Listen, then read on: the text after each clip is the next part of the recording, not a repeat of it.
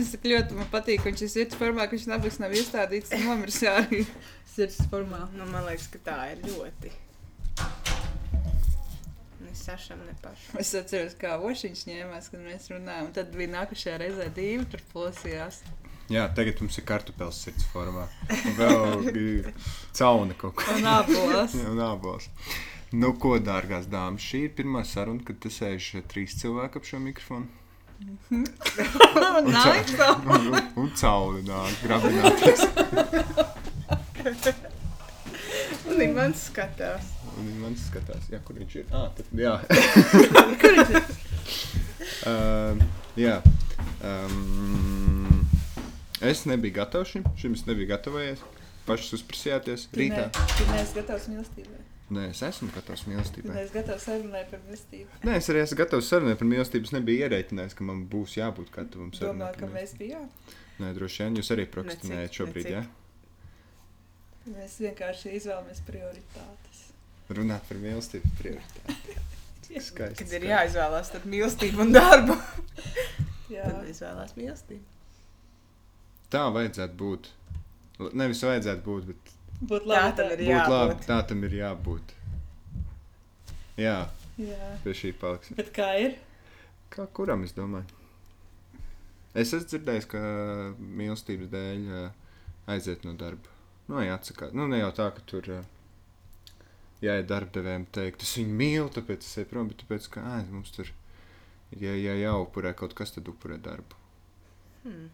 Tas ir um, iemīlēšanās, man. Ne? Un, Es, esmu, es, aiz, es aizgāju no paņēmu akadēmisko akadēmijā mīlestības dēļ. Es to nezināju. Es iestājos magistrantūrā un uh, satiku vīrieti tajā pašā, no es iestāju vasara, iestājos skolā, dodos visādos notikumos, aizdodos uz notikumu, satiku vīrieti, iemīlējos un,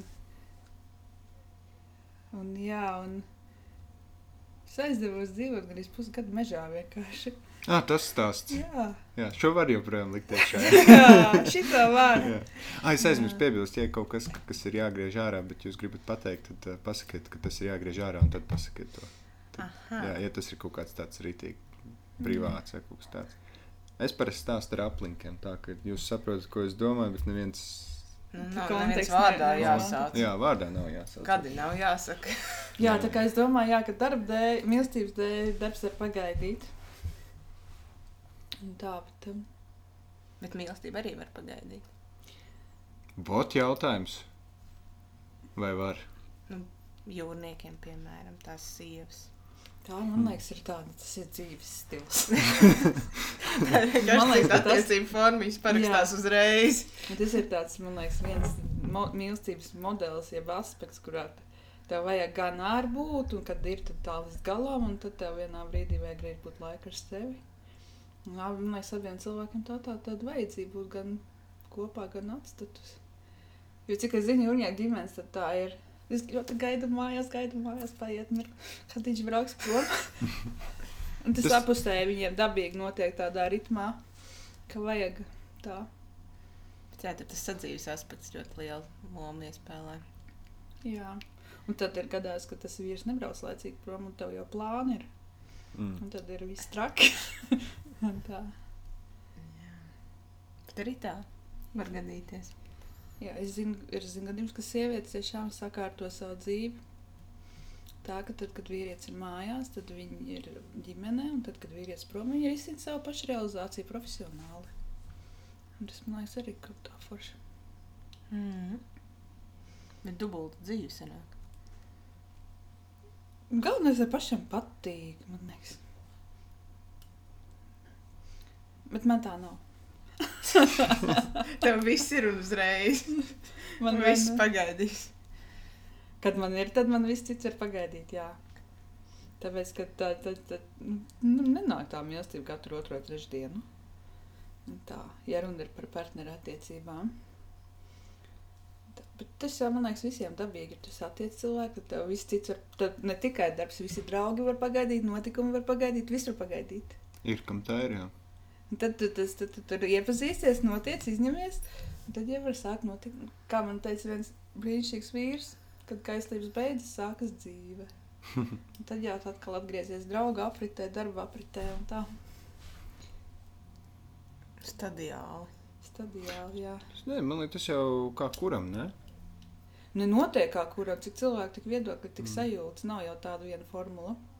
Ir tikai pētnieki var izpētīt tādas vispārinātas tendences, kā cilvēki notiek, bet katram jau savējais ir. Bet tu nepazaudēji sevi tādos brīžos. Es nekad nezinu, vai es nepazudu, vai varbūt es tieši tajos brīžos atrodu. Es jau kā uz to paskatās. Bet, nu, tad, kad tev uzšķēpa kaut kāda sirds orbīta, tad jau tev tur ir jāpareaģē. Nevar tā vienkārši būt visu laiku tāds pelmenis. Man liekas, ne? Un katrā ziņā, nu, es, jā. Man patīk iemīlēties. Man liekas, pelmenis ir ļoti labs ā, salīdzinājums, jo tu viņu vari gan ātri uzcept, mazliet lēnāk pavārīt, un tur arī sasaldēt. Un iedomājieties, ka tu viņu izvēri un atstāji ūdeni. Arī tas ir labs Nē, nu, salīdzinājums. Var arī tā, jā. Kā kuram joprojām. Jā, nē, man liekas, tas jau ir skaisti, ka tā mil mīlestība ir tik dažāda. Jo tad jau, ja visiem būtu vienā, tad jau patiesībā viss jau izreikina sākumā. Tad tev priekš kam tur to visu meklēšanu, atrašanu. Kāpēc tas viens no septiņiem miljardiem? Tad viss ir ņem priekšā pēc rindas kārtībā vienkārši. Ja visiem būtu vienādi. Mums katram savu sapnīšu, savu pieredzi kaut kādu. Katram savu vajadzību arī. Un tā. Mīlestība arī beidzas. Vai tā var vispār beigties? Es ticu tam, tu tā domā par to, ka mīlestība nekad nebeidzās, bet kā enerģijas nezūdamības likums visu laiku transformējās. Maina savu formu. Man šķiet, ka ir gadījumi, kad, eh, kad nepazūd. Bet tur ir jautājums, eh, ka, kas ir tie kaut kādi blakus faktori, kas, blakus faktori, blakus faktori, kas ļauj nepazust uh, mīlestībai. Jo varbūt, eh, nu, kā vēl saka, ka, ka mīlestība transformējas kaut kur um, likuma dēļ. Uh, kādreiz viņa pat neizpaužoties tādās darbībās, jo jūs tur esat pašķīrušies, un kas tur kaut kur reizēm viņi pat netransformējas. Viņi vienkārši ir visu laiku. Bet nepazūd. Bet ne, jā, nepazūd. Man liekas, tas arī tā baigi. Visādi tie gadījumi. Man liekas, mīlestībā ir tāda brīnišķīga māsa, kā viņai divas māsas, cieņa un kaisla. Absolūti atšķirīgas tādas lietas. Bet...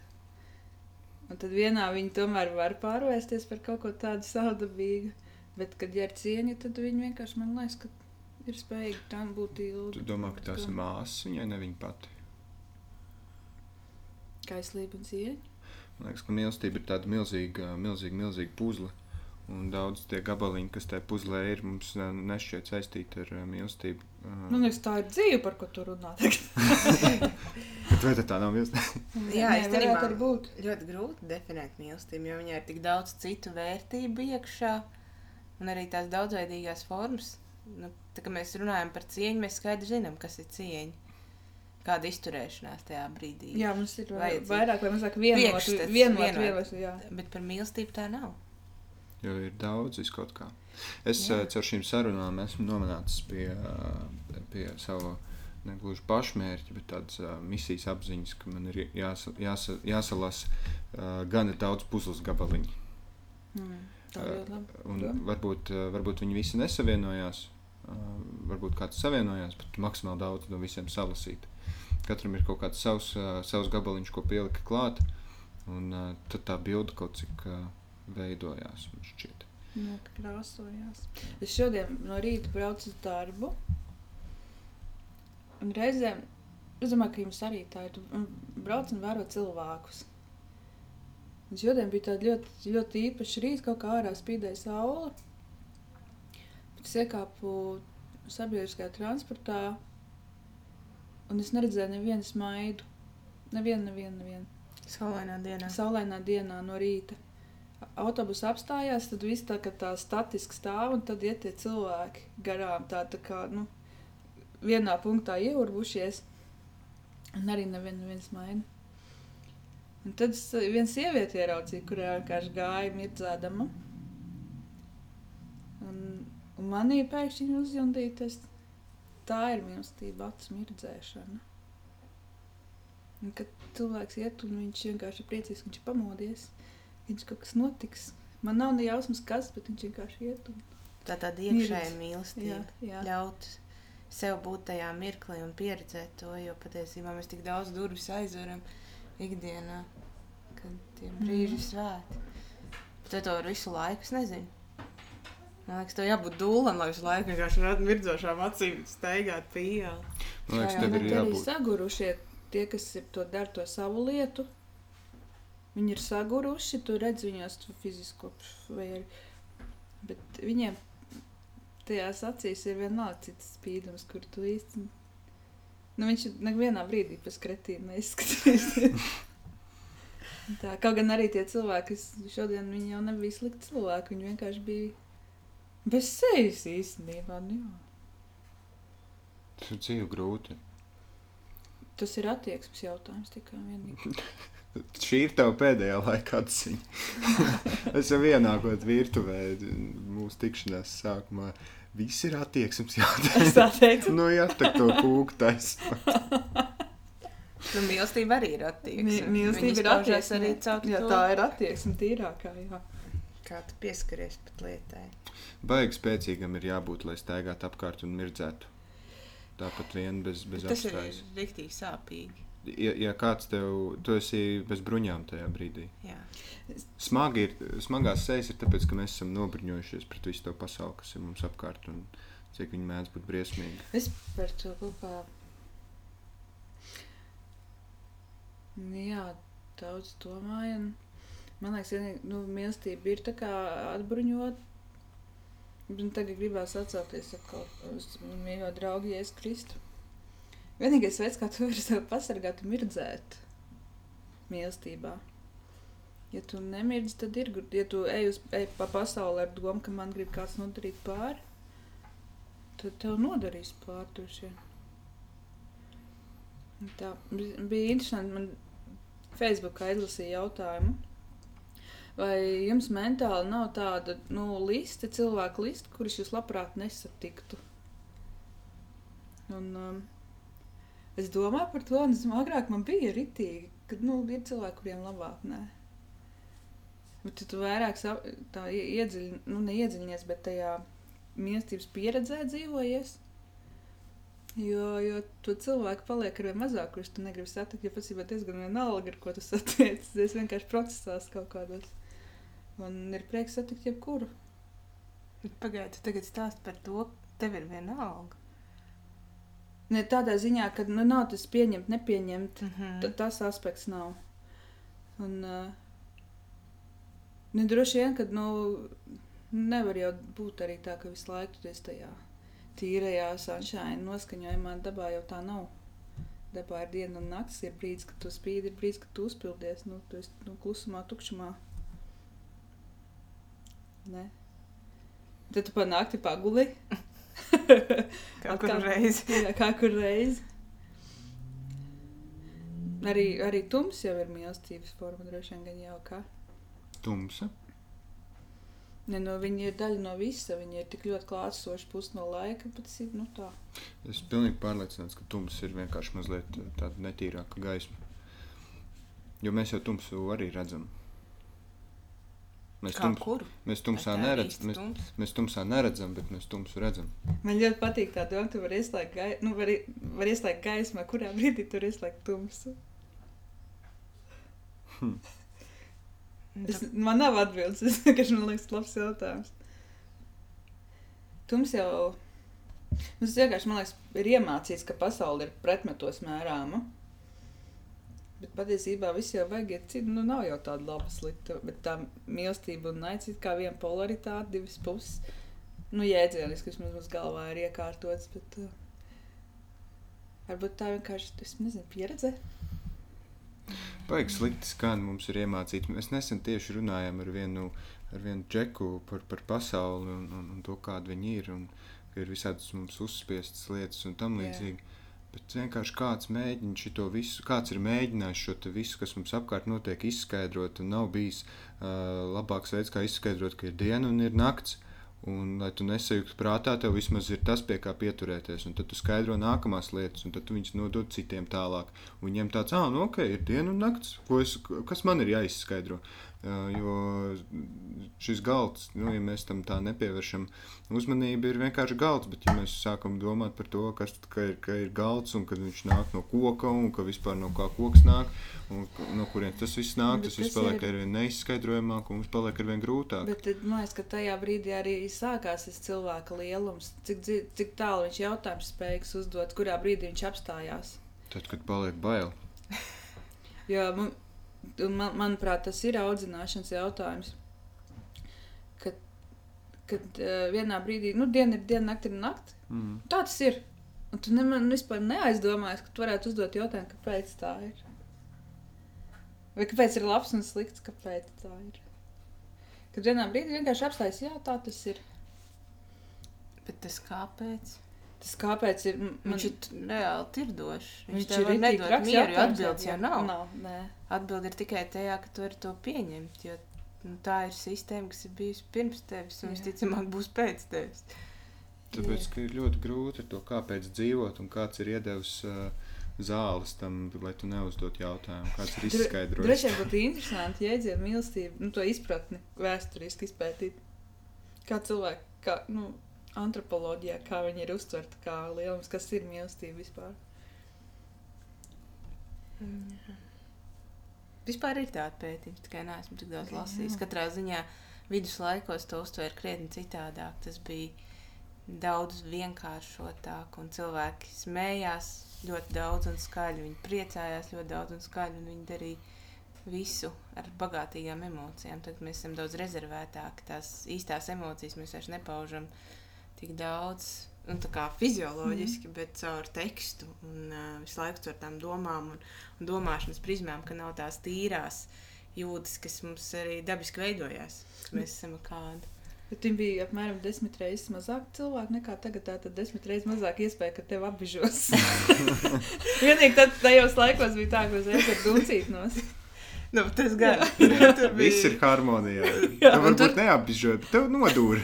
Bet tur tas melnais baldais bija pat vēl izteiktāk nekā tagad. Tur vienkārši tur varēja vienā mirklī būt priecīgs un smieties un tad raudāt. Nē, burvīga dāma. Viņa droši vien pateica, ka viņa nav dāma, ka viņa ir sieva. Stāstīja, ka mīlestība ir tās dzīvnieks, kurš klejo. Ja viņš pie tevis atnāk, tad mīli bučo lolo audzē viņu. Jo tikai tavās rokās ir tas, cik ilgi viņš pie tevis būs. Ja tu par viņu nerūpēsies, tad viņš vai nu nomirs, vai dosies tālāk. Un, uh, man liekas, tas ļoti, nu, Es viņam pilnīgi kā pasaku tēlu, uzbūvēju savā ainā, kā tas mīlestības dzīvnieks ir. Manā, manā pasaulē viņš ir kaut kas starp stirnu un vērsi, kaut kas tāds, un ar garu baltu pūku. Un tad viņš pārvietojās. Atsāk. Un es kaut kā par to domāju, man liekas, tas ir skaisti un īstenībā arī saprotami. Un, un tā jau ir arī tā lieta, ka tu īsti nevari izskaidrot, kas, kas tas ir. Tu vienkārši, nu, tā ir tā neizskaidrota, neverbālā komunikācija. Tu Viņa vienkārši notiek un nezini. Cik nav dzirdēts, ka meitenei ir, piemēram, vīrietim jābūt tādam t- tur garam un, un plecīgam, sportistam, un galā viņa satiek aprec rūķi vienkārši. nu, jo tur notiek kaut kas. Tad kaut kas, ko mūsu prāts vai mūsu gribēšana un domāšana, Jā. saprašana vispār Ne. mm, neķer. Tad ir tik maģiski, man liekas. Jā. Es neesmu rūķi apprecējis, es nezinu. Bet, bet uh, man liekas, ka tad ir tā, ka tu sajūti to, to pārdabisko, ka ir tāds, ok, ir kaut kas, ko es nevaru izskaidrot. Mēs ar vienu draugu runājāmies par to, ka rūķim ir būt forši. Jo rūķi meitenēm arī ir bārda.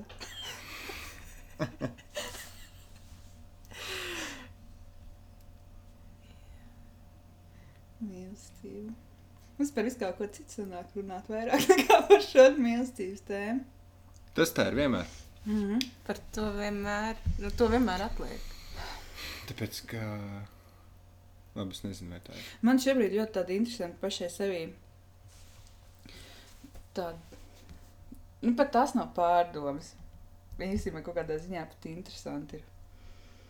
Man ir 37 gadi.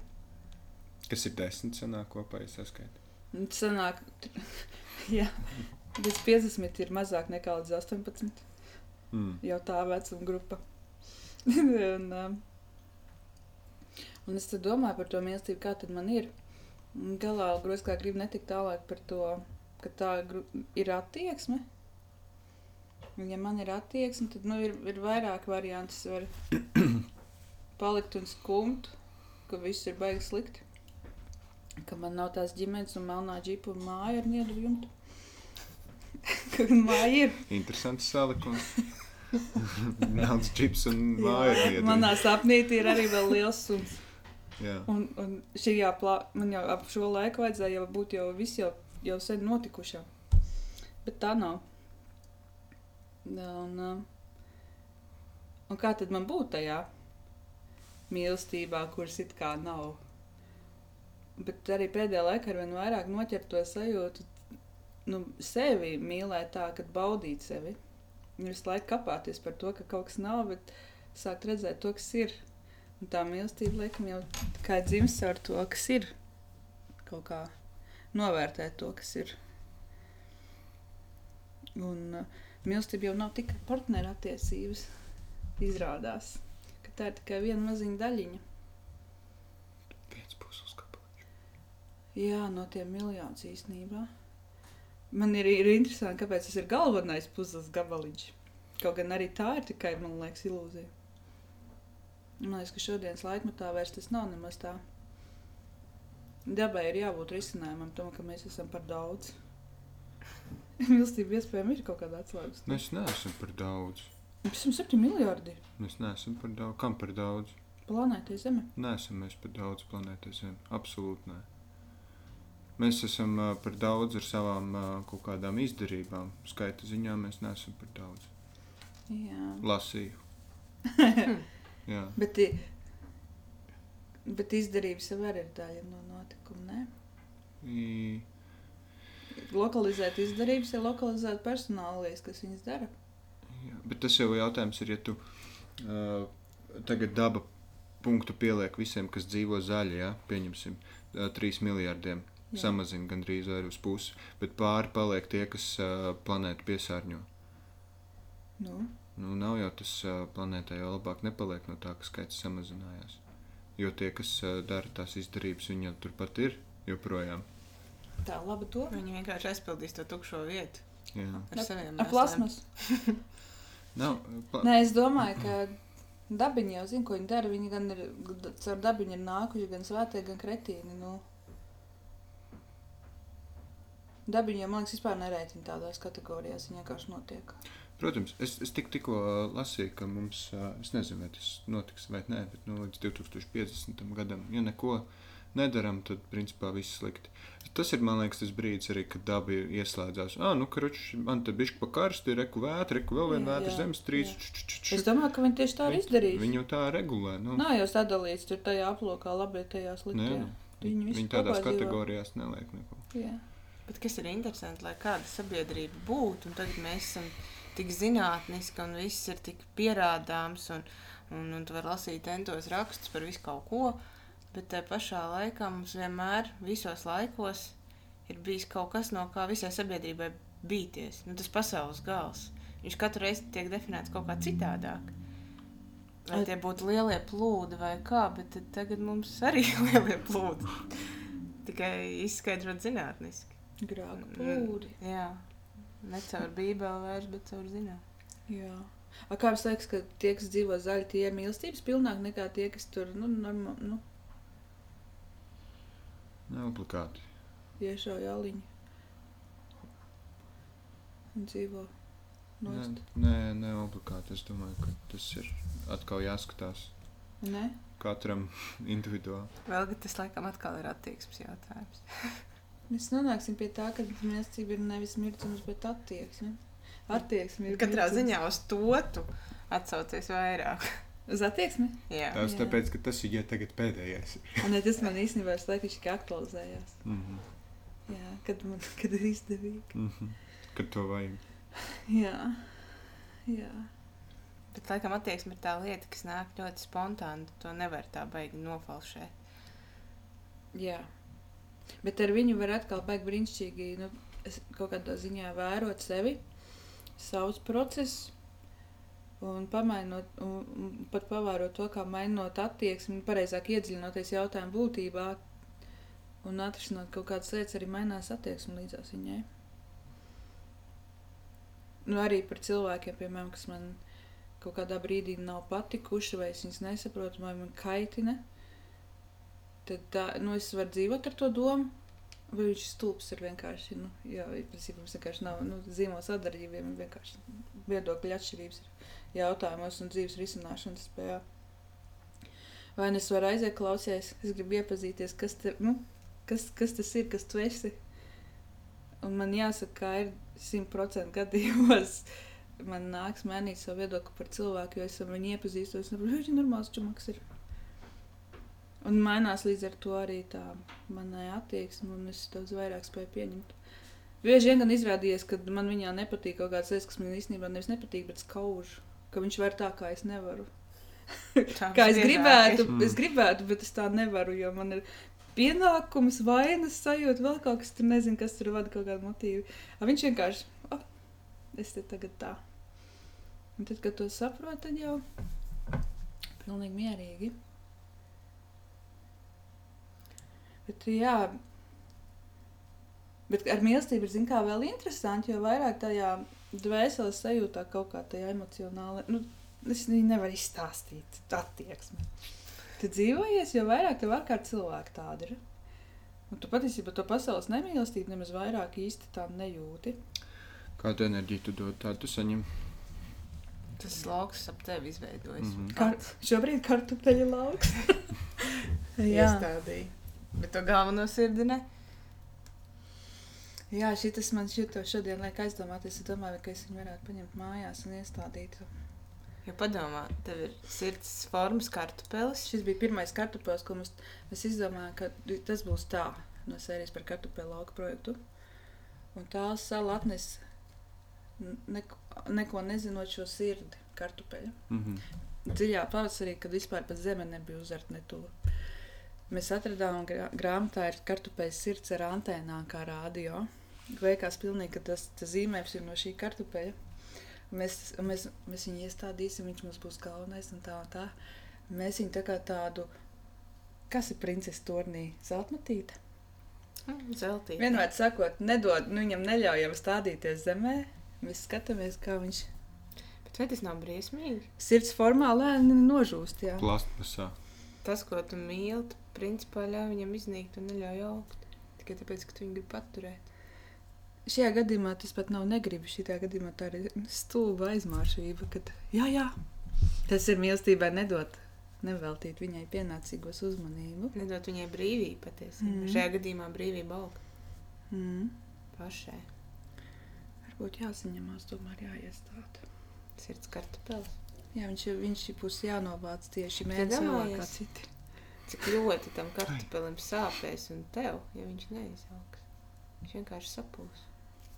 Nu, tad uh, viņš sapūs. Tur zem Jā, zemes viens jā. pats. Patiesībā mēs ar kartupeļu lauku, man liekas, šobrīd ļoti aktuāls tāda mīlestība. Jo Uzticība. mēs ļoti savā starpā arī runājoties. Ņēmāmies par to, kas tad ir tas kartupeļu lauks, kas sabiedrībai no tā paliks, ko tu gribi ar to kartupeļu lauku izdarīt. Nu, man tas bija interesanti. Darām, jo nu, mā, mākslā ir pilnīgi vienalga, viņai ir vai nav skatītāja no serijas. Uh, man gribējās pieredzēt, kā tie kartupeļi auga. Vispār reflektēt ar dabu. Un, uh, tad mums ir arī brīnišķīgi cilvēki komandā, kuriem ir svarīgi, no kurienes tas vispār ir cēlies, tās idejas. Ar imānu tieši jā, kā tu pēc kurzemīti. Tad mums ir Emīls, kurš ir visu projektu vadītājs. Kas no, kur ir sausais atlikums tajā visā, uzdod jautājumu. Un tā mēs četrinot uz priekšu apakaļ īstenībā nonācām pavisam vienkāršas atslēgas, kad um, mūsu kartupeļu lauks ir lauks par prieku. Mēs gribam prieku dot, radīt, stādīt. Un šobrīd uh, tā ir arī Emīļa doma. Viņš saka, nu es skatos, kā prieks aug. Un, un man nu, tas ir arī prieks, mīlestība. Tur, man liekas, arī viss kopā iet. Zīmē ritīgi labi. Un, uh, un tajā brīdī, kad tas paliek par vienkāršu prieku un atkrīt visi vēl tie sarežģītie koncepti, tad tur tas prieks arī paliek. Neskait šo nabaga sirsnību, ko mēs joprojām esam iesūmuši zemē, Tā tā sirdsapziņa. atdevuši zemē, no kurienes viņi arī nāk. Jā. Vēl mazliet, mazliet mēs tikai paskatīsimies, varbūt izaugs vairāk, bet šobrīd jau kartupeļi, kuriem nav asni, viņi jau ir izauguši ar lielām lapām, karām un viņai vēl maziņi, nu jau nokrituši asniņu un viena astīta saknīta. Tur jau būtu divi bumbuļi. Tur jau būtu divi bumbuļi. Un tā. Varbūt man tā arī jāizdara, jāiznes mājās un jāizstāda. Puķi dobē. Man ir puķu dobē. Vai jā? Tiešām. Tavs palodzes augsts kartupēls. Jā. Mīlestības kartupēls. Paldies, Kata, jo es domāju, kur es viņu stādīšu, ne jau vannā. Man nu varbūt tev noderēs kaut kad vasarā. Jā. Jā. Cik? Tiešām, paldies, Kata, viss viņš jau jau zina, tev, tev viss būs labi. Bet tu saproti, ka tas ir kolektīva kartupēls. No kolektīvā zivs pie pats arī. Man ir arī kolektīvs suns. Tā, viņš ir diezgan kolektīvi meitinas. Klasisks ziedoņu muzejs. Man liekas, jā, tā lielā vērtība, kas ir vajadzīga, ir, ir mīlestības augšana. Lai vai kas viņi ir, kura izpratnē, kas viņi ir. Kur, nē, nu es nezinu, kurā brīdī ir mīlestība, kurā nav. Gan jau, ka viņi ir visu laiku. Mums kā liekas, ka nav. Nē? Kur galā es? Viena. Viņa, uh, es, es uh, katru reizi, uh, katru reizi esot pie vēlgas, ciemos, man ir kaut kāda jauna doma. Vai arī katru reizi satiekoties. Uh, Arī. Vēl Klausies, šis jāpastāst. Jā. Un arī tagad man ir, uh, man liekas, doma, ja nav klausīta neviena iepriekšējā saruna, kaut kāds pēdējais, tad man ir uh, jauna teorija. Nu, nu. Ko, ja kāds klausās, ir jau dzirdējis to reizi, jau kādu trešo, ceturto. Uh, atcerieties, mēs uh, runājām par to, ka kāpēc mēs te nākam, jo jau mēs te visu zinām. Un, un, ja mēs visu zinām, kāpēc mēs te nākam vēl kaut ko vēl, mācīties. Nu, tāda Jā. lielā tā enerģijas bumba, kas mēs esam. Un tomēr nākam. Un tad uh, es tā aizdomājos, varbūt, mēs nākam mīlestības dēļ, lai, uh, nu, jo te var mīlēt un tam līdzīgi. Bet tas arī skan kaut kā baigais plezīrs. Nu tā, nākam te iečilot, nu bišķi jāpastrādā ir vai ne, bišķi grūti ir, bet nākam te kaut ko plezīroties, te mīlēt, sajust mīlestību un tam līdzīgi. Nu, Kas ir, kas ir grūti tev? Un nu, dzīve kā tāda. Jo? Jo tas, kāda te ir kārtība šajā pasaulē, nav tāda baigta ērtā mums visiem. Nu, pat tiem, kuriem ir arī bagātie raudi, arī nabagie raudi, visi mēs raudam, un dzīve ir ciešanas, lielākas vai mazākas. Kā mēs to visu skatāmies, attieksmes jautājums, kā mēs to visu esam sakārtojuši. Bet vienmēr ir kaut kas, par ko domāt, kaut kas, par ko uztraukties, un tad plezīram daudz laika. Kas ir vajadzīgs, lai, lai, nebū, lai nebūtu jācieš un jārauta tavuprāt? Mēs atgriezīsimies pie teorijas, bet man mm. interesanti. Kas pietrūkst pie tā, lai nebūtu, lai būtu viss spēcīgi? Man liekas, ka nepietrūks. Man liekas, ka ir par daudz kaut kā. Kas ir par daudz? par, par, par daudz visādas liekas padarīšanas. Uh, mēs gribam visādas um, lietas un, un notikumus, kas, uh, ko mēs gribam pieredzēt, un reizēm mēs gribam viņus pieredzēt vispār bez, bez kaut kāda jēdzīga pamata. Mēs vienkārši gribam, un viss. Un reizēm tās motivācijas mums ir diezgan, es gribu, lai vienkārši lai es būtu labāks par to, bet ja mēs to skaļi tā nesakām, to var no, nojaust. un tad mēs kaut kā nedabūjot to ciešam, un tad mēdzam ciet caur ciešanām kādam citam vēl darīt pāri, un tā tā ķēdē aiziet. Un es nezinu, kas ir konkrētās lietas, kurām mums vajadzētu, kuras tiešām ir pamats, fundaments, kuru dēļ mums grūti, man, man grūti to raksturot ar vārdiem, jo es visur gribu teikt, vajag, bet uh, es negribu visu tā kategorizēt, ka visam jābūt. Šo, nu, mēs vienam zinām, ka tev ik pēc tās, uh, ik pēc kaut kāda saruna posma tev mainās teorija, tāpēc mēs tu drīkst teikt tagad vajag, jo tas iespējams Jā, jā, jā. mainīsies, jā. Šobrīd! Jā, šobrīd. Šobrīd vajag ka, ir kaut kādas nu, vērtības, kurām mums eh, vērtības vai padarīšanas, vai kaut kādas darbības, kuras ir ļoti svarīgas un fundamentālas. Vismaz man sajūta līmenī tā šķiet, tur kaut vai mīlestība, vai darīt uh, citam labu, vai censties dzīvot tā, lai tev nav jācieš, un ka tu vari palīdzēt kādam citam.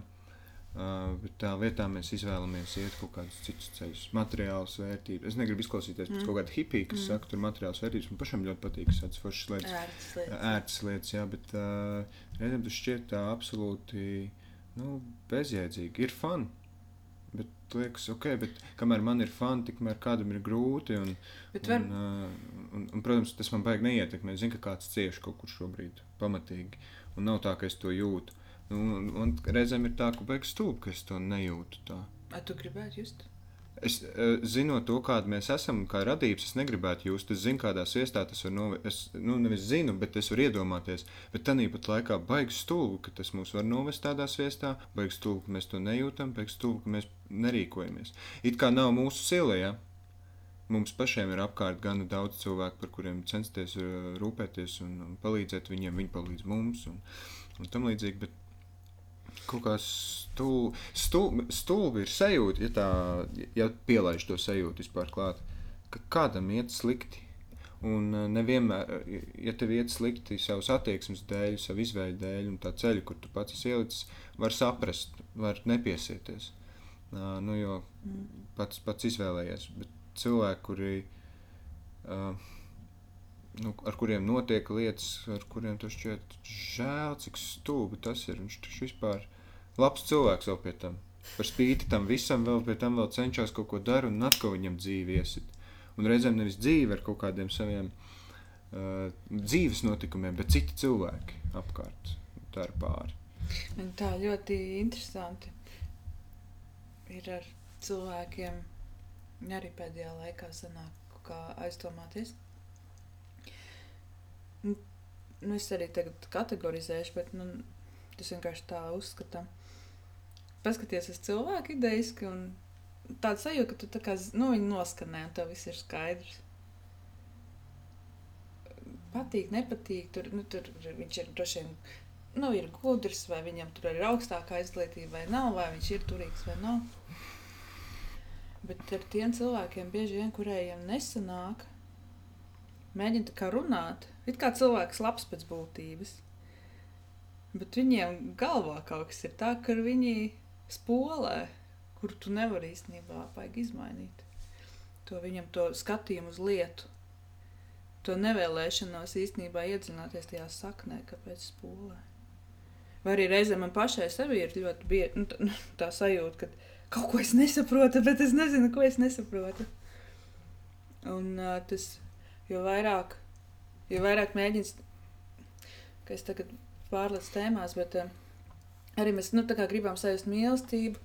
Tas, lai mīlestību sajust, mums ir jābūt jutīgiem pret pasauli. Nu, mīlestība ir jājūt, un tev jāatver sirds un jājūt.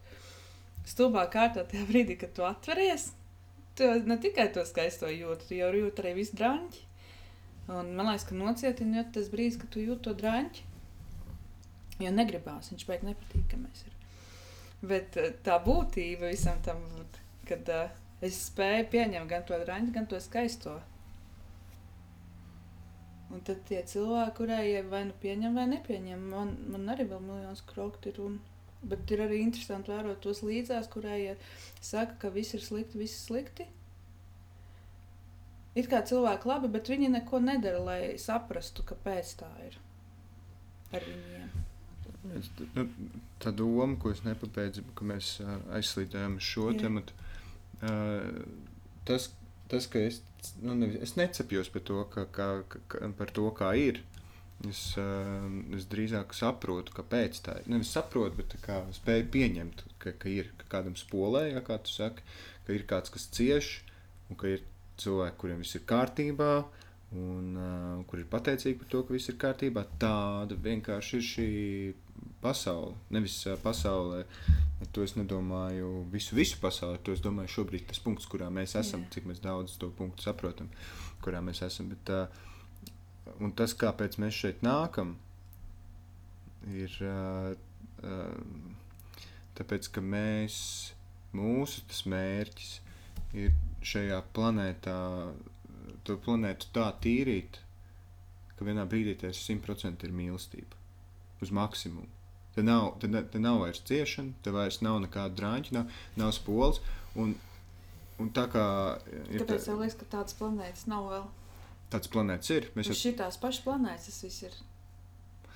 Tās ir cits, tā, tā, tā ir cita doma. Bet es tur vēl neiebrauksim iekšā. Bet, uh, bet idejiski, ka uh, nu kā, viss ir harmonijā. Un uh, kamēr mums šeit ir ļoti labi, Šobrīd es domāju, mums visiem trīs ir ļoti labi, ka mēs sēžam. Mums tiešām nav par ko sūdzēties. Pat ja mums šķiet, ka mums ir, tad kaut kur kādam ir ne tikai par ko sūdzēties, viņš pat nedomā par to, ka viņam ir par ko sūdzēties. Viņš vienkārši, mēģina izdzīvot. Viņš vienkārši mēģina izdzīvot. Un viss ir tādā lielā balansā. Un tāpēc mums ik pa brīdim, dzīvojot savā tajā harmonijas pusē, kur viss ir kā forši, mēs ik pa brīdim ieraugām, ka kaut kur tomēr nav forši. Tad mēs cenšamies kaut ko, ja vispār cenšamies kaut ko uz to pusi darīt, lai tur būtu forši. Tad atkal kaut kur paliek slikti, tad atkal uz turieni tā mēs raujamies. Un es uh, ticu, ka mums uh, mērķis ir šeit uh, attīrīt, uh, nu, attīrīt gan slikti, bet uh, tā, ka te viss ir skaists un balts un foršs. Kāpēc es nezinu? Kāpēc visam vajadzētu būt skaistam un baltam un foršam, bet tad, kad darbs šeit būs pabeigts, mēs dosimies tālāk. Mēs burtiski pāris dienas atpakaļ bijām zemgājas laika ziedonim. Bija puisis, kurš ņemās ar um, jauniešiem invalīdiem, nu tiešām invalīdiem. Viņš dabūja šo laika ziedonim laureātu titulu, un bija viena no viņa meitnēm, kas ar viņu kopā auga. Tajā viņš desmit gadus teicāt, mm -hmm. centrā strādā sāk kā brīvprātīgais, tagad es tā saprotu, ka pat vadītājs. Bet tas nav svarīgi. svarīgi tā meitene no ratiņkrēslā meitene, kurai tur, nu, tu paskaties, un tev tā kā idejas, ka viss skaidrs. Bet uh, viņ, viņ, viņam dziedāja dziesmu, mazā bilžu rāmītī. Nu, katrā ziņā mūsu rinda bija prieka raudu rinda tā tīrā gaisma un tā, e, tā mīlestības enerģija, kas nāca gan no tā paša puiša, gan no tās meitenes, un jāsaka, vispār no tā pasākuma kopumā. Tiešām aizkustināja visus līdz asarām. Nevis tāpēc, ka būtu žēl tās meitenes, bet tāpēc, ka tik skaisti tas bija. Mm. Un, un tā meitene arī, jā, atkal es at, at, atkārtošos, apliecināja, cik svarīgi ir. Tas ir tas dzīves attieksmes jautājums, bet tur arī bija tas stāsts, ka tas puisis abas rokas, abas kājas, galva, viss kārtībā. Viņš vienkārši ir saticis, gribējis, gājis, darījis, un viņš šiem jauniešiem invalīdiem viņš viņus vēl kā ārā no mājām. Un uh, es saku, tu arī vari dzīvot normālu dzīvi. Un patiesībā galā viņiem tur gandrīz izveidojas tā, ka šie bērni pat nu, iedvesmo tādus kā mēs. Klausies, ko tu raudi? Tad tas, tas mīlestības tās, jo viņiem tiešām ir pamats nu, būt apbiežojušajiem par to, ka viņiem kaut kas nav iedots tā kā visiem citiem. Bet, un, un viņi ir kāpājušies savā laikā, droši vien arī par izdzīvošanu, lai viss būtu labi. Bet kopā ar šo puisi un katrs pats sev ir atraduši to veidu, kā sevī mainīt kaut ko, augt un atrast to dzīvot prieku. To, nu, tā kā tu saki, dot mīlestību, tik tas, kas ir jādod viņiem. Un tā man liekas, ka cilvēkiem. Cilvēki grib dot mīlestību, viņiem viņi arī ir. Un pašiem tiem cilvēkiem, ko es šodien redzēju, es domāju, ka viņiem arī ir. Nu, es domāju, esmu pārliecināta vienkārši.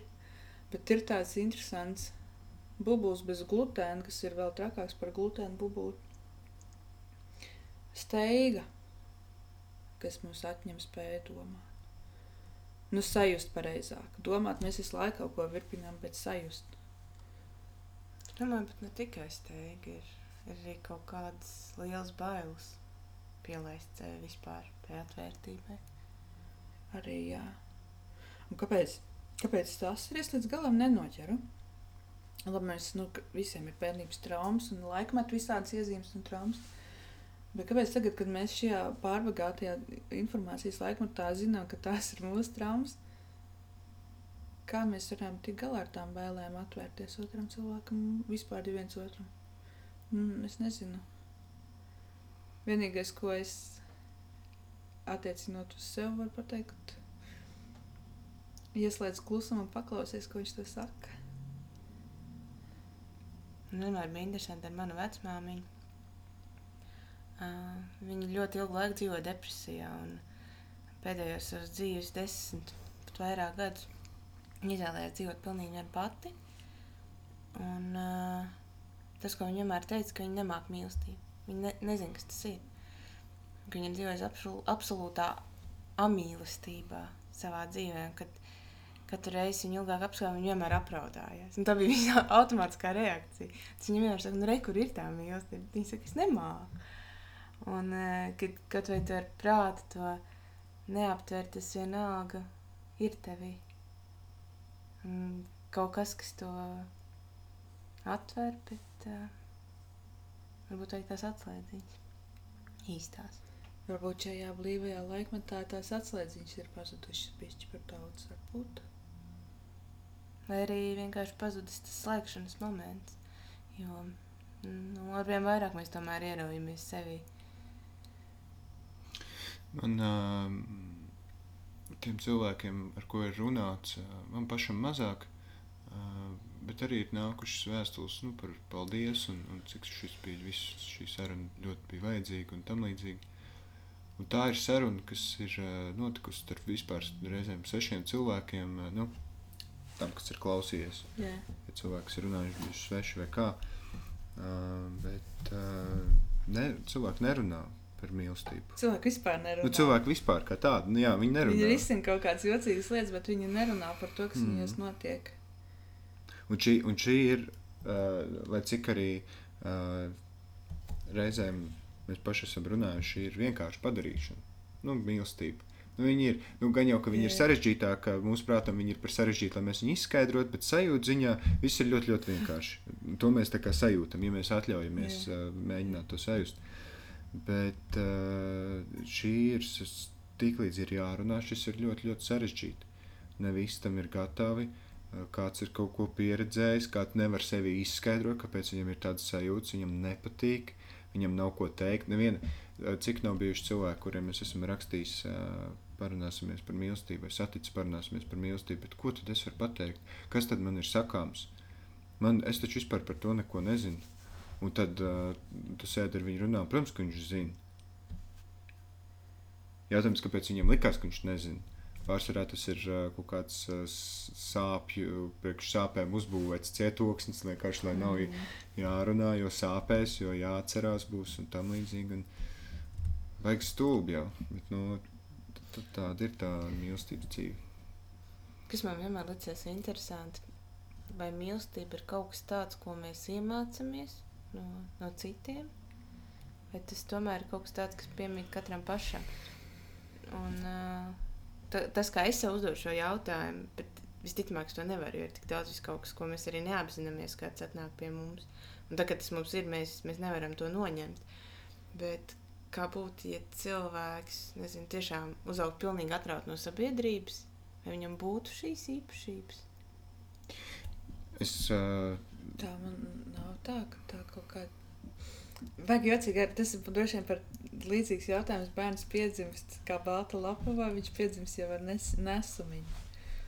Un, uh, es nezinu. neviens īsti nezina šo jautājumu. Neviens arī, es kā reiz nesen dzirdēju par eksperimentu. To var uzzināt tikai vienā veidā. To var uzzināt vienā veidā, un to neviens neļaus nekad darīt. Uh, ņemt uh, zīdaiņus, laist uz neapdzīvotas salas, bez auklītēm, bez nekā. Zīdē nevar nu, izdzīvot. zīda, zīdaiņi nē, bet nu, tur bērns maz. Bez uh, iemācīta jebkā un laist uz salas un, un skatīties, kas notiek. Jautājums tur gan nebija par mīlestību, jautājums bija par uh, kādu sabiedrību viņi veidot. Mm. Jo te, to neviens nezina. Es domāju, ka tādu eksperimentu gan jau ir veikti, mēs tikai nezinām par viņiem. Vispār ir bijis, bet uh, nu, tas tādā arī pusfantāzijas līmenī. Tas ir kaut kas līdzīgs, nezinu, zelta grālam, kaut kas tāds, ko nevar izpētīt. It kā pat ļoti vienkārši. Mm. Un tāpēc jau arī Maugls ir vispār, nu, kā grāmata. Mm. Ap to jautājumu laiku Mm. kaut kas ir grozījies. Un sabiedrība tas interesē, bet, bet vai cilvēks, Kas ir tas- cilvēka var izdzīvot? Kas nezinu. cilvēku padara par cilvēku? Nu, es, piemēram, savu bērnu skatos, un nu, es, es esmu forša mamma.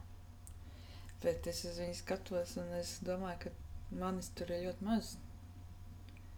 Viņš ir eh, nu, tas, kas, tas, ar ko viņš ir nācis, atnācis arī tieši mīlestības ziņā.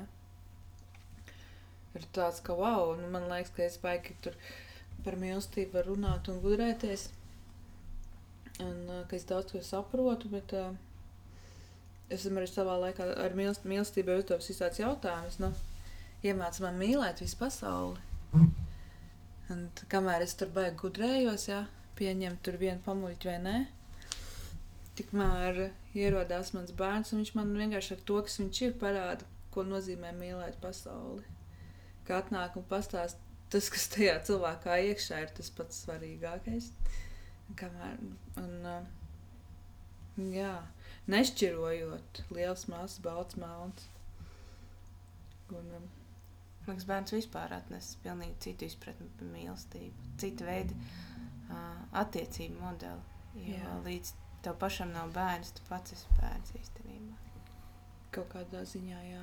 Un arī ar vec, at, va, ir ļoti interesants ir arī tās attiecības ar vecākiem un bērniem.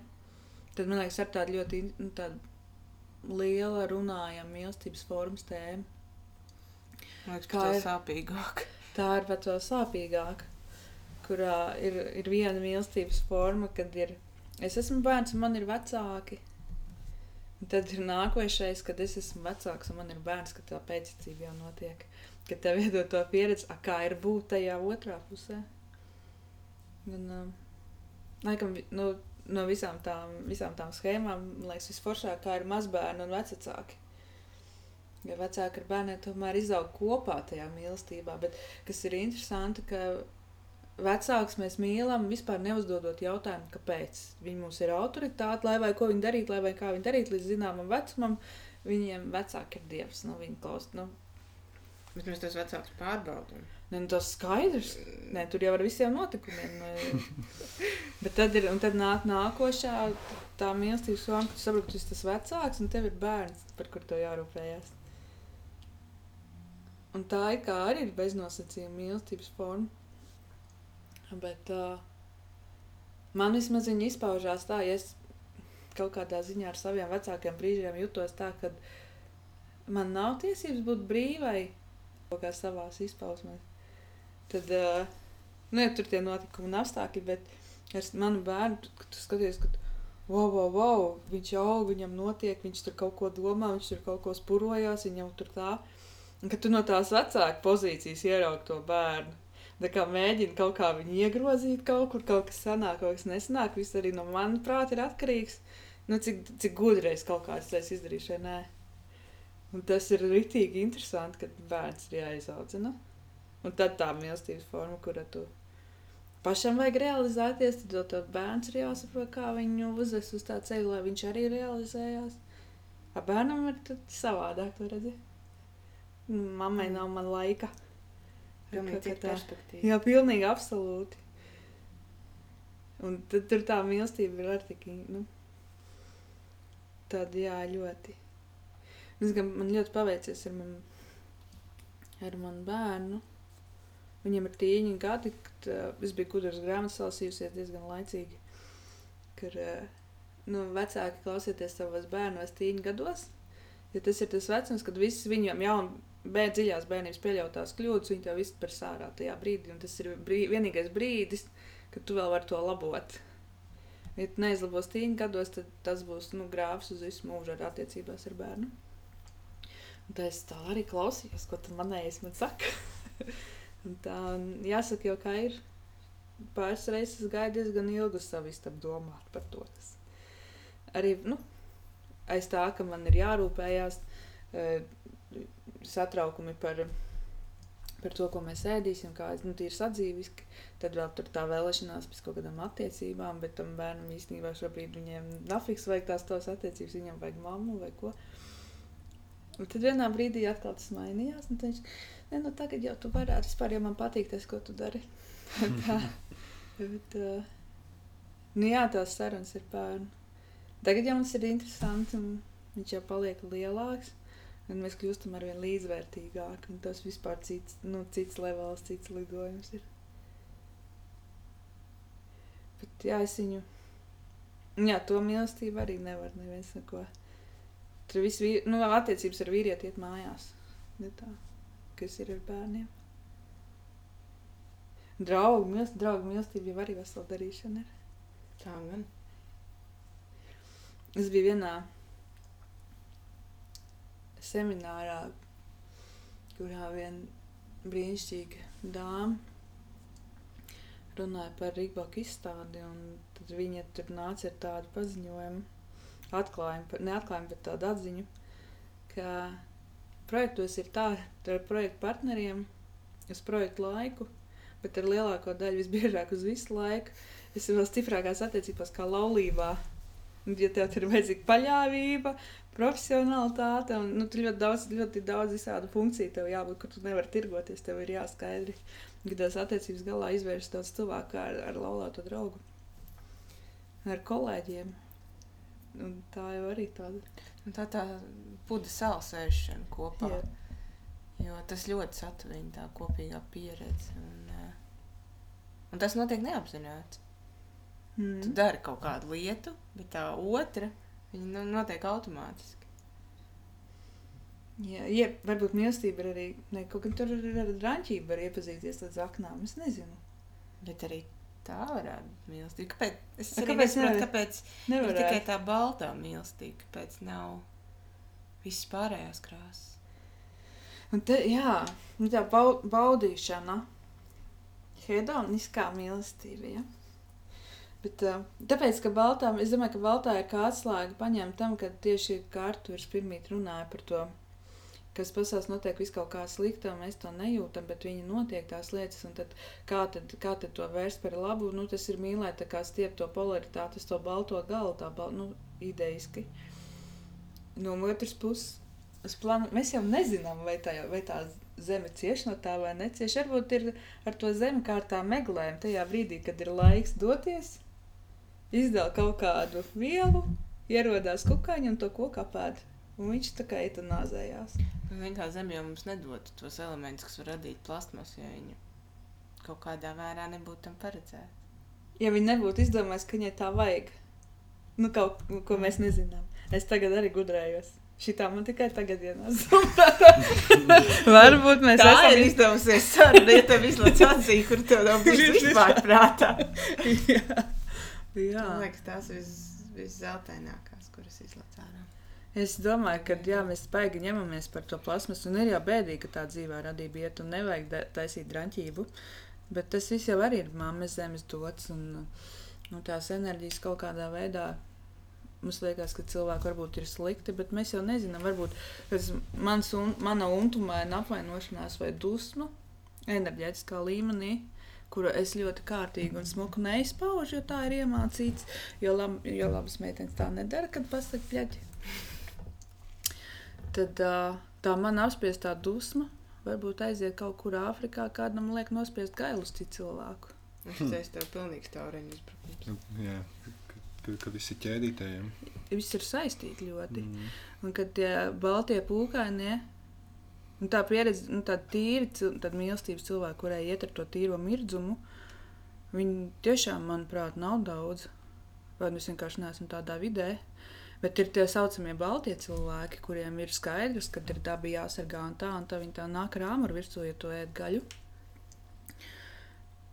Un ka manuprāt, ka tie cilvēki kaut kādā ziņā Pat ja viņi zina, kā ir kārtīgi un smuki un pareizi, un to arī tā kā pieturās pie tā, un sauc to par dzelžainu disciplīnu.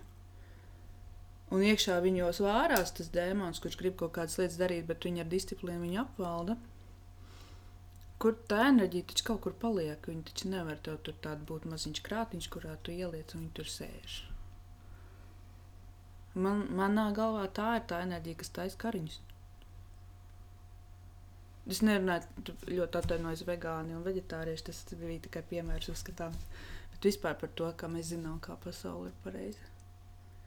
Apslēptās dusmas, apspiestās, neapslēptās, apslāpētās dusmas. Un tad ir kāds, kurš ir brīvāks, varbūt, kurš mūsu skatu punkti ir varbūt sasaistītāks, jo viņš nedomā, viņš jau uz gailīti nospiest, ir nav grūti. Varbūt viņš vienkārši ļaujās tajā plūsmai, kas ir dabiskajai. Jo nogalināt jau, lai cik tas nebūtu stulbi, ir dabiski. Mm -hmm.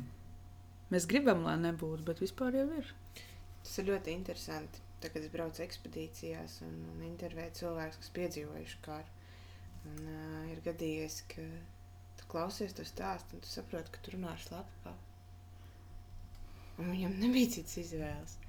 Bet tās acis, tās mirdzošās acis, un tā mīlestība viņai ir tik liela, un ka tas viss viņā sadzīvo. Un, uh, tā, man liekas, ir īsta dzīves māksla, spējas tu dzīvot. Un tā, kad tu tādus cilvēkus satiec, tas ir vienkārši. Bet, Kas? ko- bet, klau, Jā. uh, mēs jau nu, beigā tēma nogalināšana. Un uh, dabiski ir nogalināt. Bet dabiski ir nogalināt uh, šīs planētas barības ķēdē. Bet mēs jau viņā neietilpstam. Man Es domāju, ka tā ir tā diezgan utopiska doma, ka nu, gribētos, ka neiet. Zini, kā mēs īstenībā ietilpstam.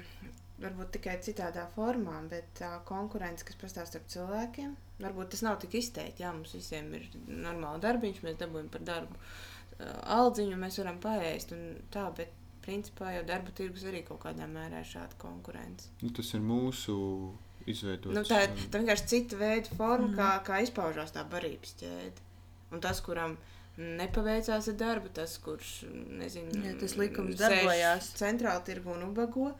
Nu, jā, tas, tas joprojām darbojās. Nevarētu teikt, ka Jā, mums pat nav vajadzīgi lāči un lapas, mums pietiek pašiem. vienkārši tad, kad ir karš vai kaut kādi šādi apstākļi, kad, kad viss pilnīgi nu, pārējai tādā hausa pasaulē, kad, kad vairs nav vispār nekādu vērtību, tad tas izpaužās daudz spilgtāk. Viss, viss šīs lietas, vērtības un cilvēka uh, instinkti izlien ārā daudz spēcīgāk. Arī mīlestība, to starp kara laika mīlestības, kad kāds kādu satiek vienā Latvijas galā un pēc tam meklē, nezinu, Ņujorkā vēl kaut kur. Tas jau arī tā. Un, un tu, tur tiešām ir mīlēt vai mirt, ja tu neatradīsi. Jā, bet es jau arī par to pašu.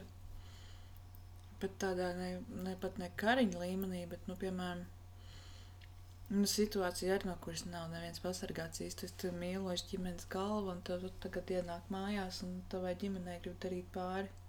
Labi, tie ir tādi katrs notikumi, nu, tādi katrs ir tādi mirkļi, bet diezgan, man liekas, ātri jāizvēlās. Es dzīvošu mīlestībā un ļaušu viņiem darīt, ko viņi grib, jā, jo tas ir dabiski. Vai nu, aizstāvēšu tavējos. Tā. Tie ir tādi lieli jautājumi. Kad mēs arī ģimenē runājam par to, ka mums, es, man liekas, ka tad nav jēgas dzīvot, ja nav šādi cilvēki. Bet ka mums katram ir cilvēki, kurus nu, pie jebkādiem apstākļiem mēs, es, nu, mēs zinām, ka tu, tur, es, tur man atslēgsies viss, viss analītiskās spējas. Vienīgais, ko spēju izdarīt, Iz- Instinktā. instinktīvi aizstāvēt. Instinktīvi izdzīvot, ka tas otrs ir tas, tā, tā ir tā ģimenes mīlestība. ar- Tas pat nav vien nu, ar draugiem, līdzcilvēkiem vai ko. Aizstāvēt to, kas man ir svarīgs. Tur vispār nobrūk tavs ego. Jā, Ne, es to nedarīšu, jā, vai jā, es jā. Tu negribu pat- būt slepkava, vai nu, jebkādā vīzē. Ir gadījies būt situācijā, manai māsai darīja pāri. Tur nebija tālu no tā, lai es nu, to cilvēku nogalinātu. Es nedomāju, vienkārši vienīgais, ko man vajadzēja, lai viņš saka, mīlā, man māsa. Un, um, un tas patiesībā nu, tur ļoti maz tas. Un tā, ir, un tā ir mīlestība, kas liek to darīt. Zini, kas man vienmēr licies interesanti. Romeo un Džulieta. Mēs 9. klasē viņu lasījām, Un visi vai, vai, vai kāda liela mīlestība un tā, un skolotāji arī saka, nu, ka mīlestības dēļ cilvēki izdara pašnāvību, nu, cik liela un vērtīga viņi ir. Viņi likās vienmēr nu, drausmīgākie egoisti. Nu, es viņos neredzēju neko vērtīgu. Es saprotu, jā, viņi tur saceļās pret, pret ģimeni un pret visu, un tikai tas vienīgai, vienīgā izēja, bet tomēr tā tāda liela egoisma pakāpe. Ja man būtu jāsalīdzina cilvēku, kurš kādu nogalina mīlestības dēļ, lai pasargātu to savu mīlestību, mm. vai viņš nogalina sevi mīlestības dēļ, es teiktu, ka laikam manos sarunu kausos tas ir. Jā. Es kaut kādu laiku atpakaļ Nē, ar dra... nozīmīgi. mēs, mēs ar draugiem mērījām mīlestību.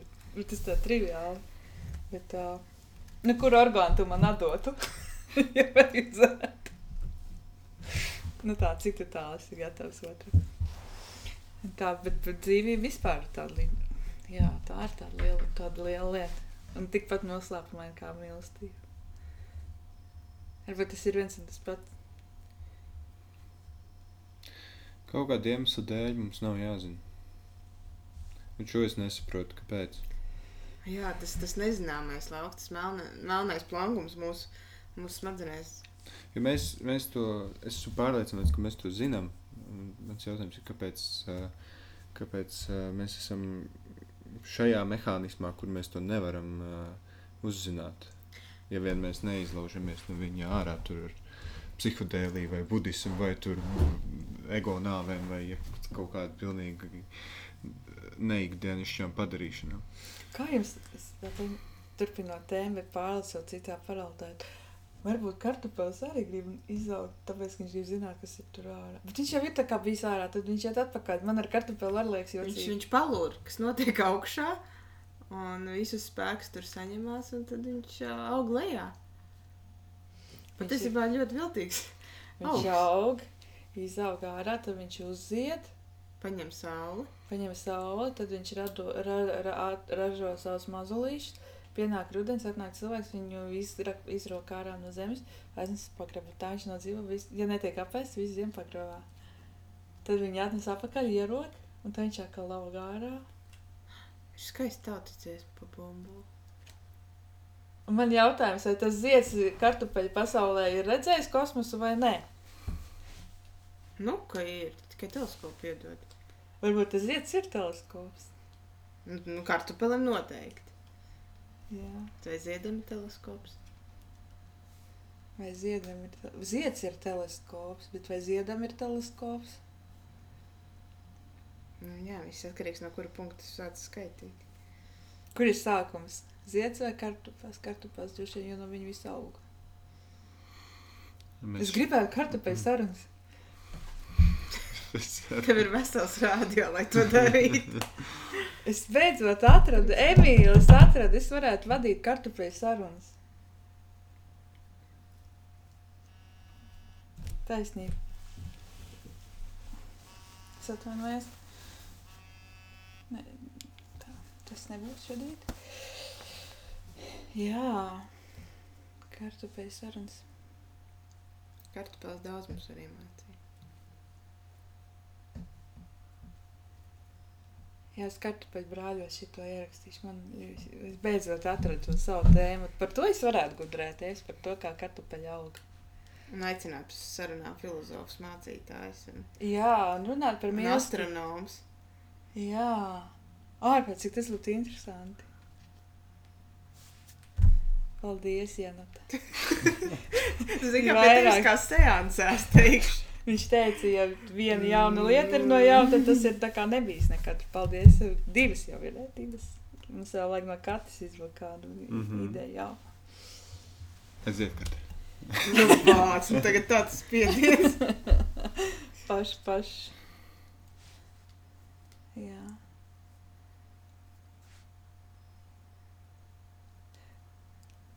Mīlestība nedalā, dali kā tev. Tā, līdzīgs jautājums, kā par mīlestību, turētu uzdot par laimi. Ja tā ir mīlestība un laime. Mm. Tas nav viens un tas pats. Es domāju, ka šajā gadījumā gan nē, jo laime ir vairāk tā kā tendēts to balto pusi, bet nav tik un tā. īstenībā pārbaudīt to, vai viens jēdziens ir līdzvērtīgs citam, ar ko tu viņu gribi izskaidrot. Ir samainīt viņus, nezinu, tekstā, ar tādu elementāru metodi, kad viņas ir teksts par mīlestību, un ja tajā tekstā tu ieliec vārdu laime, vai tas teksts saglabā loģiku. Kāda ir mīlestībai līdzīga vārda, kas, lai saglabātu loģiku? Nu, tāpat Filoloģijā. laime.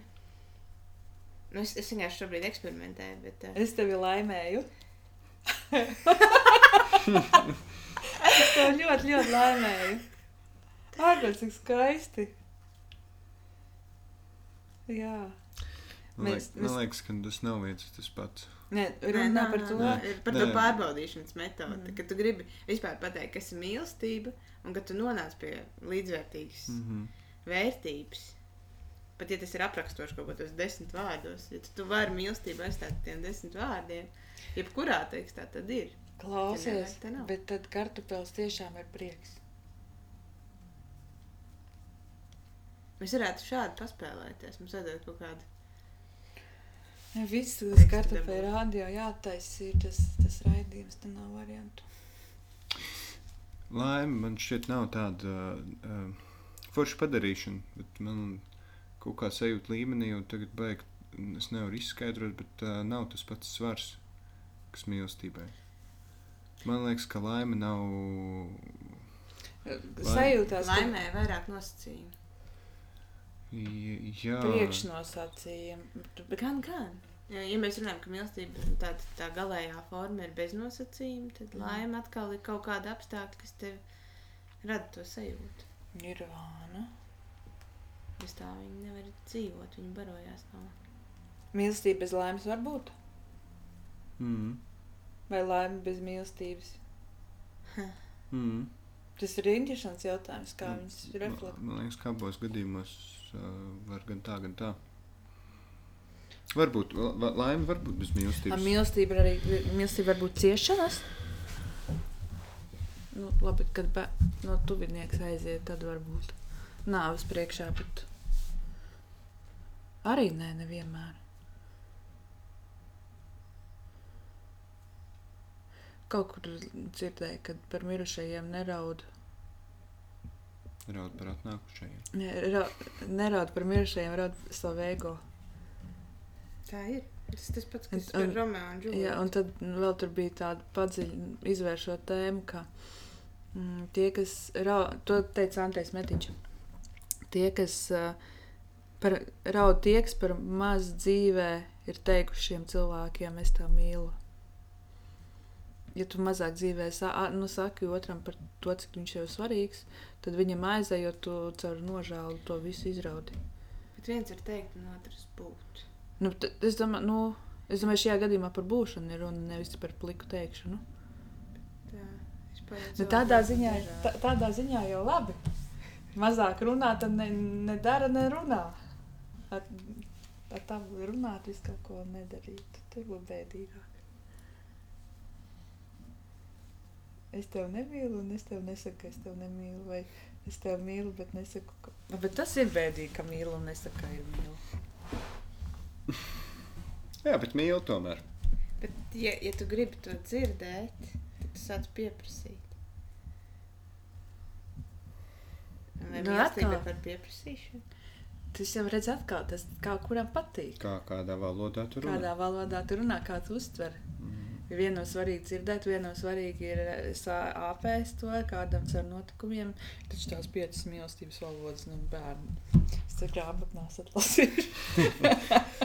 Bērnu dārzā jau lasīju priekšā.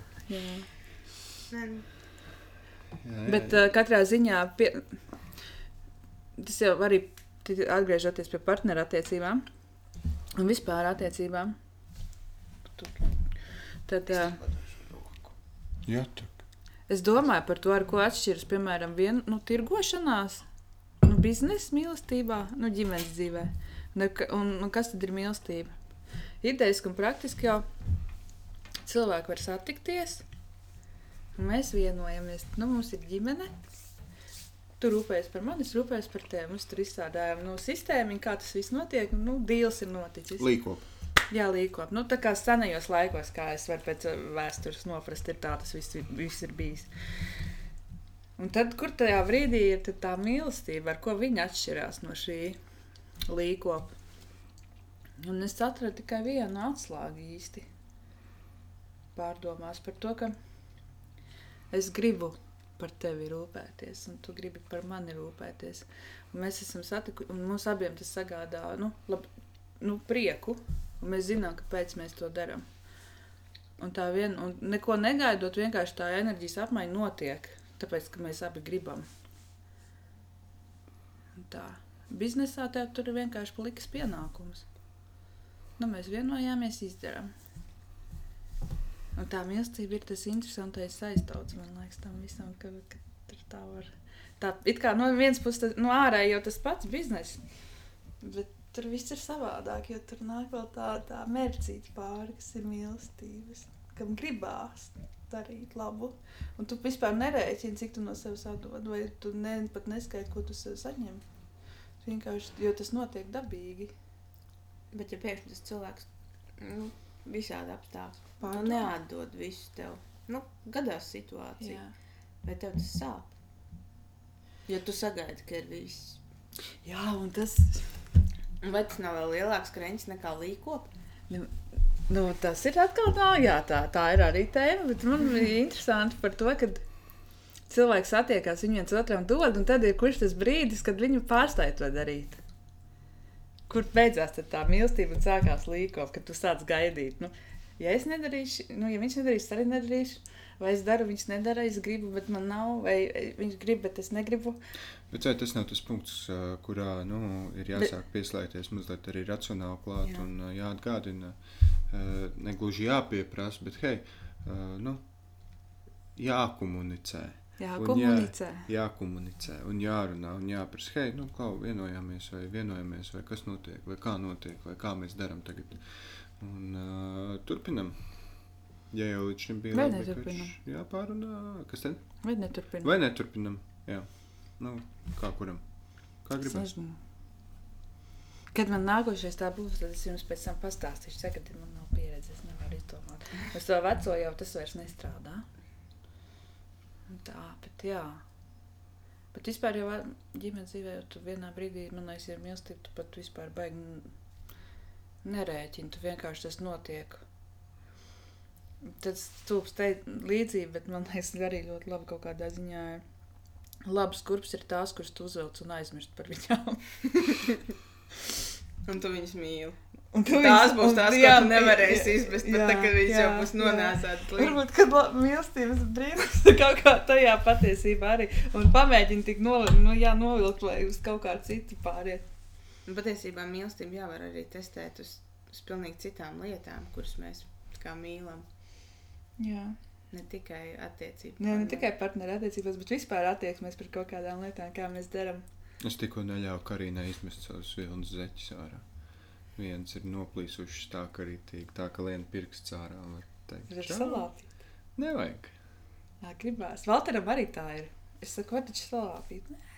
Nē. Rītīgi labi ir. Tā taču pieredze. Vien arī un ir dzēsīta. Un var ielīst atpakaļ. Un, var spēlēties. un viena ir vesela, un, ja gadījumā paliek par augstu, tad uzstutē tos pukos pirkstus otrai. virs. Tas viss ir process. Un, un, un, un, Ir darīt. un, un ir ko darīt. Un cits var nesaprast. Un tu nevari viņam tā paskaidrot. Nu, tu vari mēģināt, bet zini, kā tas izklausās. ā, Man, man ir daži džemperi, kuros ir caurumi. Kurus es nevaru, ne, nevis tā kā nevarētu aizšūt, bet man, man ir, man ir, man ir nu, sajūta, ka tur viņam, lai viņš tur ir tāds izveidojis, lai viņš tur ir. Man mīļāko džemperi, man bija tāds melns džempers, diezgan caurumains jau, un man liekas, ka kāds viņu ir izbeidz ārā. bet man viņš arī bija ļoti, ļoti mīļš. Bija tik daudz, es kaut kas piedzīvots. Viņš bija tik silts un viegls, un viņš kāds arī izmet ārā, jo man nevar vairs atrast mājā. Bet tā nav. kļuva mīļāks. Kādam kļūmīgam. Jā. A, tā nav pieķeršanās vienkārši. Nā, kas tur slikts? Ieradums. Bet Mm. tas tam ir liels spēks. Jā, jā, ļoti. Man liekas, ka ieradums ir lieta, kas ir vajadzīga vispār mūsu Kā rutīnā. lai tas nav destruktīvs. Jā, Ir arī sliktie ieradumi, kā zināms. jā. Es domāju, Kā zinām? Nu, ieradumi tu baigi neizslēgs arī ārā no šīs tās sistēmas.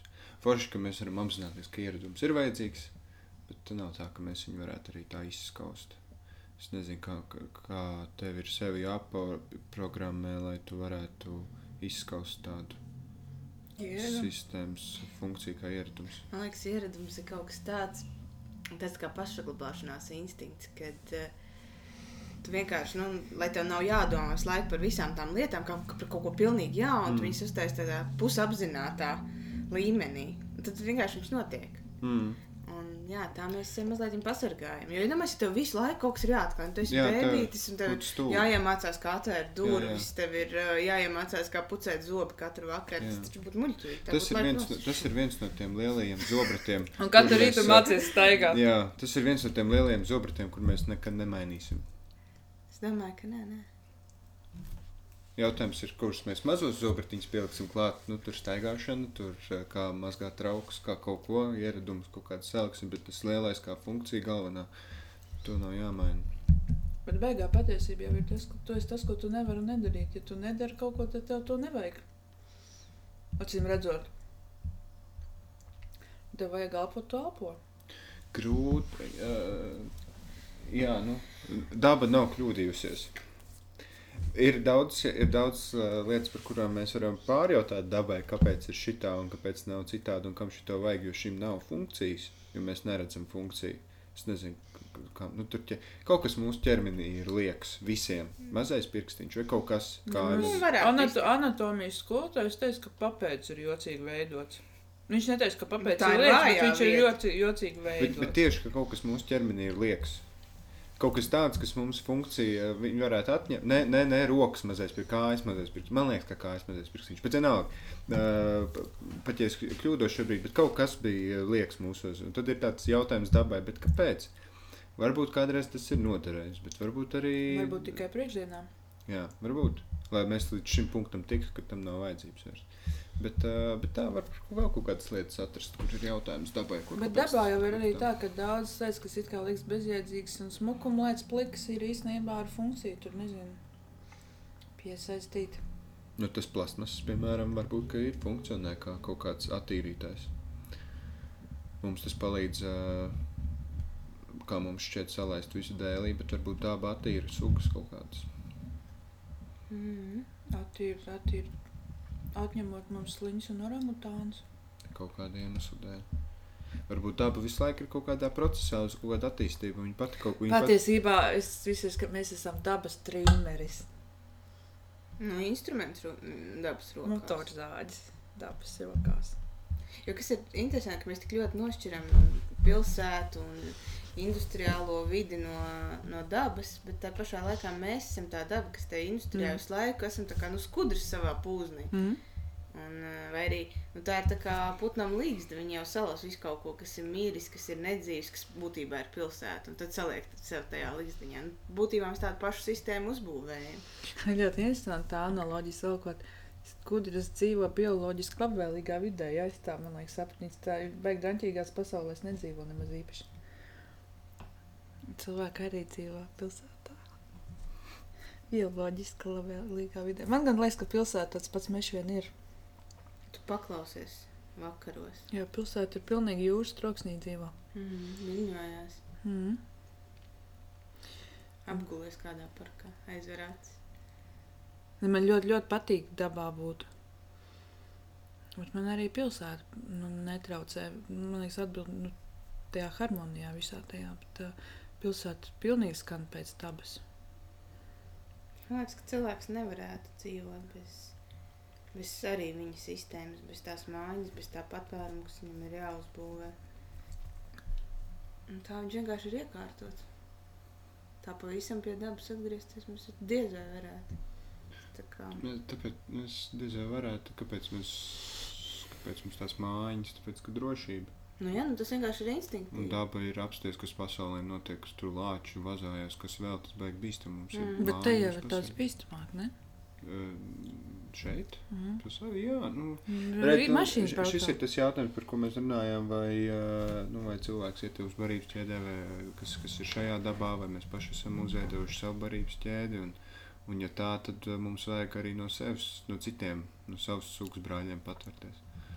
Tāpēc mēs slēdzam durvis ciet un taisam sēdes apkārt un visu kaut ko tādu. Mm. -hmm. Jo, tāpēc, ka tu nevari zināt. Es domāju, ka labi, es ne- tik ļoti nezinu, bet dabā vai tad, nu, nu, viņi runā, kā, ka sugas brāļs nē, bet gan jau kaut kādos brīžos sēd arī. Kas tad Jā, jā. ēd? ēd? Astoņkājs ir uh, džeks, kas ēd sugas brāļus. Bet viņš skatās kutrāks gan drīz par cilvēku. Nu, ja man būtu astoņas rokas, likt viņas lietā. Jā. Jā. Jā, cilvēks. Man, manējā galvā teorija ir tāda, ka um, vispār cilvēki ir izcelsme ir ļoti dažāda, kurai ir nākuši no jetījiem, kurai ir pa kristālisko stīgu nolaisti. Viņi no visurienes nāk. Kad cilvēks patiesībā ir cilvēku suga. Mums ir tāda nu, čaumaliņa, kas saucās Homo sapiens, bet īstenībā tur ir visādi starpplanetāri radījumi, kurai ir atnākuši kaut ko padarboties. Tā, tāp, un tāpēc viņi arī var milzīgi mierīgi viens otram darīt pāri, tāpēc ka viņi izskatās vienādi, bet viņi īstenībā nav vienādi. Tas ir tā kā ir šāds pētiķis, un tad vēl ir šāds pētiķis. Mm -hmm. Un tad šāds pētiķis. Mm. Ir pāri tam pētiķim. Mums kā liekas, ka mēs esam vienādi brāļi un māsas. Īstenībā varbūt tā nemaz nav. Un to, to iekšējā tajā dvēseles līmenī diezgan labi var just. Nu, nu, droši, nu, tas, ko mēs neapzināmies. Man tāda teorija galvā ir. Ka tas tā ir. Jo, ja mums visiem būtu viens mērķis, ar kādu mēs esam ieradušies, mēs uz viņu arī ietu, bet katram ir savs intereses. Tas jau, man, es, es domāju, tas, ka katram savs intereses mazāk, ā, tas joprojām neizslēdz to, ka mēs ejam uz vienu mērķi, bet, bet va, vairāk nevis par tām interesēm. Jautājums, kas tas par mērķi droši vien ir? Arī, arī jā, kas ir par mērķi, bet es domāju, ka katrs tad, tādā ziņā mēs katrs tad pieliktu savu to ķieģelīti tam visam klāt no savas puses, mm. kāds tur apzīmēts, kāds tur uh, no naudas uztaisīts vai vienalga, bet uh, vairāk par to, ka, nu, ka mēs darām viens otram pāri. Ka tā, tā, nu, krietni vairāk nevis tur. Uh, Vēl man bija tā, kāda laika atpakaļ arī doma, pie kuras pieturēs, bet patiesībā pārāk viņu jau apgāzt arī nevar. Kāpēc? Nu, skolas princips. Kad uh, planēta Zeme ir liela skola. Nu, kā mēs zinām, tur no bērnu dārza, ja no silītas laikiem, tu vari līdz doktora disertācijai idejas izaugt, aizaugt no tajā mācību procesā. Un, un tas, ko mēs esam, ap, uh, esam atnākuši apgūt, ir jēdziens mīlestība visās izpausmes formās, īpašība, darbība vispārējais. Es zinu, tā nopersonificējot, tur arī, piemēram, nu, mīlestība ir kā čiekurs. Un tad, nu, ko mēs par čiekuru mācāmies pirmajā klasītē, līdz kam tas izaug līdz dis disertācijas darbā, bet arī pa ceļām vēl tur vidējā skolā ir klases dažādas, ja, pie dažādu uču, ka tur, ko varētu salīdzinot, nezinu, matemātika, latviešu valoda, ķīmija, nu, Jēzus būtu Krišna no sērijas. Tā. Un, uh, un tad mēs tā augam, un tā un, tā- un ķīmijā tur nu, to, tu, par to čiekuru uzzini. Tur viņa ķīmisko sastāvu matemātikā, tu viņa skaidrs zīmēšanā, tu par viņu kā šito sauc? skolu. Nē, nē, to. Un tad, tu galā, kamēr tu izsaki, kamēr tu saproti, kas tas ir no visām pusēm, tu vari vienā brīdī arī apstāties kaut kādā virzienā un skatīties uz to čiekuru tikai no tās prizmas. Kompetenci izglītība. Caurvīja prasmes. Jā, Man liekas, ka tur tā vaina, ka cilvēks tā īsti nekad neiziet tajā mīlestībai cauri no tik dažādiem aspektiem. Viņš Savā kaut kur skolā. apstājās, jā, kaut kādā klasē vai kaut kādā klases telpā. Droši vien, un tās klases telpas, vai, nu, tu vari viens dzīves laikā droši vien visaptvaroši apgūt, un tu viņu vari katru dzīvi būt viena klase vai viena klases telpa. Bet Vai, vai vispār to var teorētiski apgūt? Vai mīlestība var teorētiski apgūt? Jā, Nu, kā mēs zinām, cauri pie, izglītība ir pieredzē balstīta. jā, bet es nezinu. Droši vien, kad Nu, Kā ar, kā ar jebko, vajag gan to, gan to. teorētiski. Jo, jo caur teori, teoriju ir labi zināt, praksē tu to ieradumu iestrādā. Mm. Jo tu praksē grūti, tu tāds ā, kā mēs zinām, ļoti no, ir daudz teorētiski, kas zina, vis- mēs arī esam viena no tiem, kas zina, par, kā viss ir pareizi, bet nu, ar to praksa tā pašsaprotīgi. Nu, jā, grūti. Praksē vienmēr grūtāk ir. Kā sevi disciplinēt, mīlēt. Nē, nu, labi, tā Bet, vai, bet, nē, nu, jautājums, vai arī par to labo cilvēku mīlestības pilno, tas, kurš domā labas domas, nu, lab, jā, jau var veids tās labs cilvēks ir cilvēks, kurš domā labas domas, runā labas lietas un dara labas darbus. Dzīve, realitātē visbiežāk tā kā gribi domāt labas domas, bet tas pēc noskaņojuma ir atkarīgs.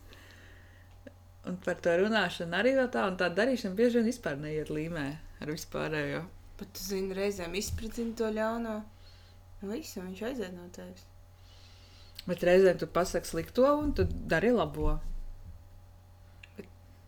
Paturēt to visu sevī. Vispār, nu, kā nepielaist sev. Es nezinu, nu, manā sajūtā, ka, tā, ja ir dusmas nāk, tad ir, ir prātīgi viņas ņemt un transfer, nu, izlaist cauri un transformēt. Nu, ja, ja dusmas ir, tad jādusmojas. Tas ir līdzīgi kā ar čurāšanu biksēs. Ja sāc, tad pabeidz. Ja vairs nav jā. Nav, nav jau. Nu, nu, nu, Ir variants tur- vispār. Puspiedienu apturēt, pusteļā es nezinu. bet, bet, iedomājies, bet, kas, bet kas notiek, ja tu apturi? Droši vien traki. Vēl trakāk Grib- nekā tu joprojām izvēlies gribās. gribās. Gribās, bet tu nevari. Vai, nu, vien, labi, Man jau saskādēts. tāpat jau viss ir saskādēts. Bet tu izlaidi un atlaidi, viss mierā. Bet tas lielais jautājums ir, kā panākt to dvēseles stāvokli tādu, lai vispār nedusmotos. Ja dusmas ir, viņas jāiztransformē, bet lai nedusmotos. Lai tas neienāk tevī. Jā. Bet arī, manuprāt, vēl viena no mīlestības formām, tad, kad esi dusmīgs, ļaut sev garšīgi izdusmoties. Un...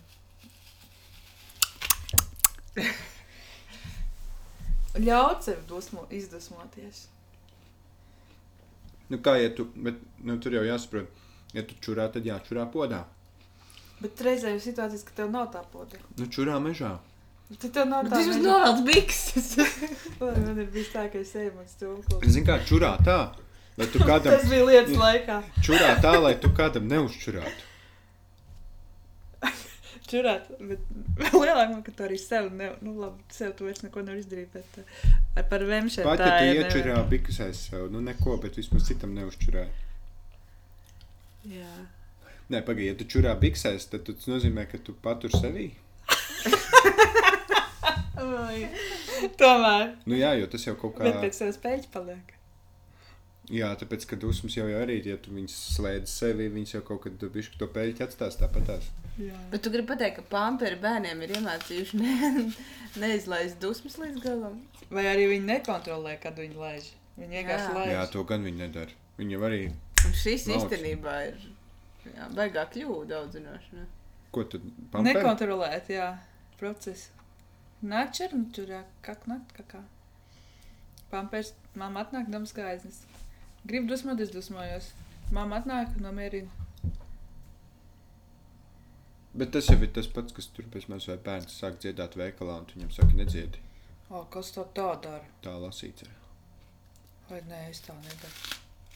Bet, kad mans bērns veikalā gribēja mantiņu un apgāzās pie mantiņa plauka pārbaudīt, vai māte pavilksies uz projektu, es tik ļoti biju apstulbus, ka es pagāju malā un skatījos un nepazinu savu bērnu. Man ļoti paveicās, pienāca kundzīt gados, iespējams, ka tā bija tā Vilhelma. pienāca kundzīt gados un viņa tā nokaunināja. Viņam bija kaut četri gadi. Taču tas tik liels, tik skaists, tik foršs. Kas tad šis tāds ir?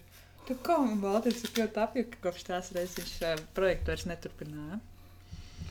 Reizēm vajag to cilvēku no malas. Man ļoti paveicās ar to tas, jā. kas ir iekšā tajās attiecībās, viņš nevar tādas lietas izdarīt. Nu, ka tev ir, piemēram, jānokaunina. Bet varbūt tas ir nu, strateģiski ļoti svarīgs elements. Un tev ir jāizdara sāpīgi, lai pēc tam.